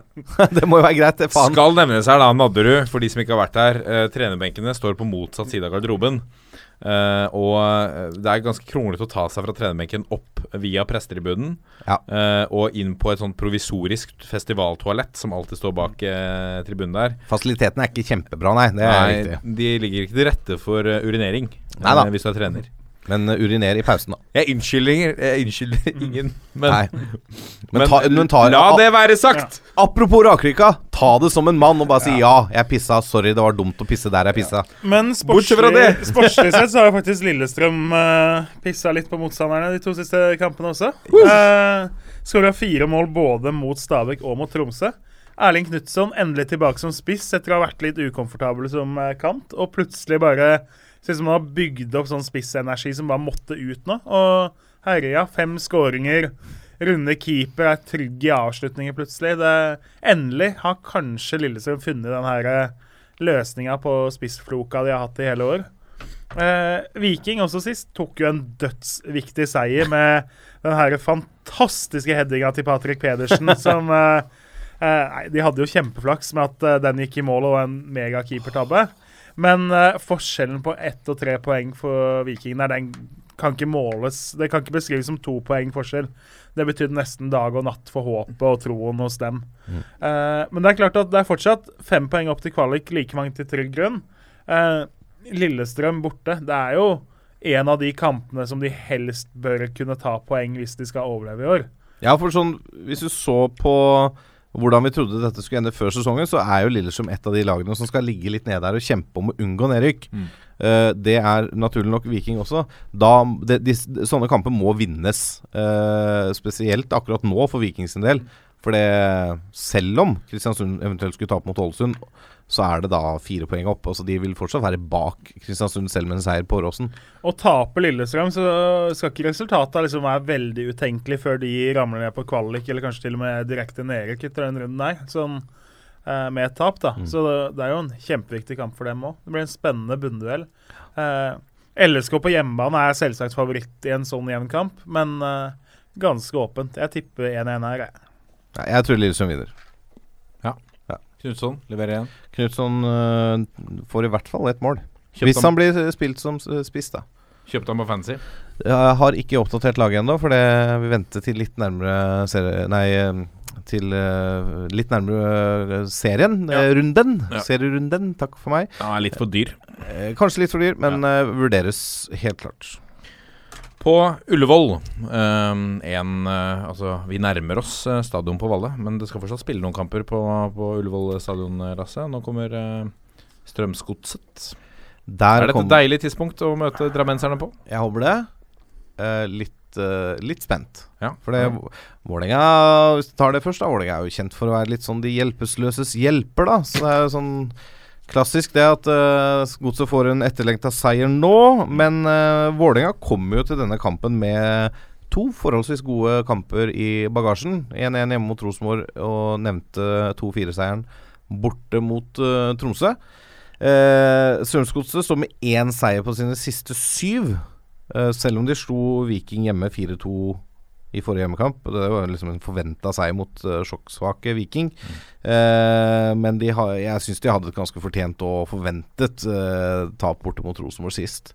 Så um, Vålerenga har i år 3-2-1 og 8-4 på hjemmebane.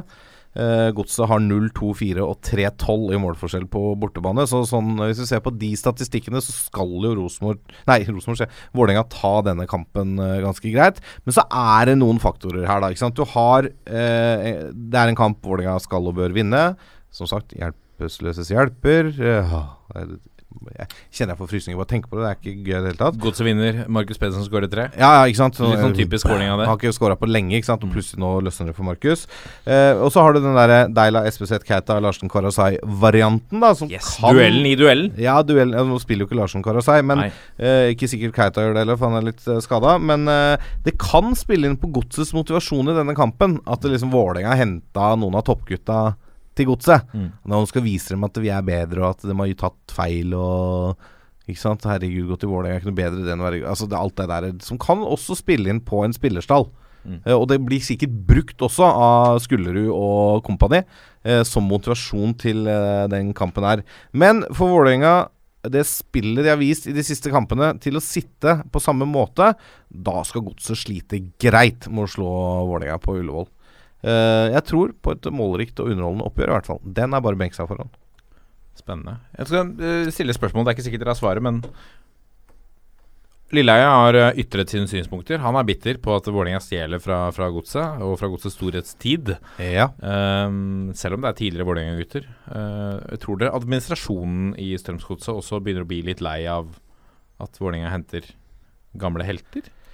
Og altså, sånn som Espeseth, som har vært en av bærebjelkene i, i suksessen. Ja, men altså er, nå er det jo en ting er, er, Nå er det jo sånn i næringslivet, og det vi må jo kalle fotballen på det nivået her eh, et slags næringsliv også, Ja. at uh, toppledere skifter jobb. Vi hadde jo f.eks. Jan Erik Holbu i dag, som gikk fra sportssjefstillingen i Discovery til uh, å bli sjef for Ullevål Mediasenter. Ja. Som da produserer mye for Discovery, så han er jo i samme sfæren. Men det, er ikke, det er mye hattebytter i U UMC og i Discovery og sånn, men allikevel. Uh, det er ikke uvanlig at folk i sånne stillinger bytter jobb etter noen år. Det er ganske det er ganske krevende jobber å, å være sjef for en toppklubb i, i Eliteserien. Mm. Eh, sikkert bra for Espeseth å røre litt på seg og, og få litt annen input. Kan hende det er bra for Godset òg, at eh, han etter mange år eh, går ut ørene og overlater ordet til noen andre. Men det er klart, det, det, det kan påvirke en klubb, som jeg nevner. Altså, den, den variabelen der kan bidra til økt motivasjon for Godset. I hvert fall for supporterne med Lilleheie i spissen, da, som tydeligvis tar dette veldig veldig tungt at uh, Vålerenga har henta noen folk eh, som har vært i Strømsgodset før. Det er jo ikke uvanlig at det skjer i fotballen. Nei, det er ikke det. Um, til Bergen. Jørgen Kjernås. eh, de tar imot uh, Stabæk. Det er et eh, Må vi kunne si er et eh, slags toppoppgjør, selv om Stabæk ligger på sjette? Ja da, det er jo to lag som har prestert bedre enn eh, man trodde av dem så langt. Selv om Brann jo var helt oppe i toppen i fjor, så var det litt moderate forventninger. Og de var ikke liksom den skarpeste medaljekandidaten. Eh, så langt gjort det ganske bra, ligger på tredjeplass. Nå var de litt heldige mot Odd. De leverte jo ikke noe stor kamp der, men fikk med et greit poeng. Eh, rota vekk, eh, så det ble uavgjort mot Ålesund før det. Og så hadde de den fantastiske opphentinga mot Sogndal. Eh, så de har ikke vært noe sånn at det har gått på skinner nå i det siste. Men de har jo hjemme vært ganske gode. Uh, Skåra mye mer mål den sesongen her da enn det de gjorde i fjor. Tatt litt større risk offensivt. Uh, Olov sett ganske bra ut. Daniel Bråten har vært veldig bra. Uh, Fredrik Haugen har vært veldig bra. Uh, god offensiv. Og så har vi da Stabæk. der Samme nå kommer OI tilbake og har spilt landskamp. Uh, skal finne rytmen igjen uh, i klubblaget. Stabæk har fått mye ut av ganske lite og igjen truffet ganske bra på signeringer. og sånn, Men jeg mener jo at det Brannlaget skal være et lite hakk bedre. Brann ganske greie favoritter, men så er jo Stabæk eh, kanskje det mest uberegnelige laget du har i Eliteserien. Du veit aldri hva du får, nesten fra uke til uke eller sesong til sesong. Så eh, Men du skal også ta med at uh, Brann får jo tilbake både Bråten og Sivert Helten Nilsen fra karantene, som de hadde uh, i forrige kamp. Eh, det er nok viktig for Brann at de er på plass. Og Stabæk er litt grann sånn ute av form nå. De har vel to tap på rad, så vidt jeg kan se her. Og en uavgjort før det. Så det er, det er en stund siden de har vunnet. eh, og bare én seier på de siste seks. Så jeg har Brann som en ganske grei favoritt på stadion. Ja, det er seriens nest beste hjemmelag. De har ikke tapt eh, på Brann stadion i år. Så det later vel til at eh, det er et Det blir, det blir et morsomt oppgjør å følge, i hvert fall. Mm. Ehm, da nærmer vi oss slutten. Dette har vært en, en, en feit og god sending med toppfotball, mine herrer. Det er deilig når vi får til litt eh, gode og feite sendinger. Og vi har vel inntrykk av at enkelte av våre lyttere setter pris på det òg, så Det får da får vi by deg på. Buda på. Helt til slutt, eh, dette har vært en sending hvor vi har, vi har slakta litt. Vi har hylla litt. Eh, jeg ønsker eh, til slutt her at du sier eh, noen eh, En positiv ting eh, du syns om Harseløren, uh, Jørgen Kjernås. Eh, Du skal trekke fram én positiv, positiv ting. de var ganske flinke i ishockey for et par tiår siden. Bra. Ja.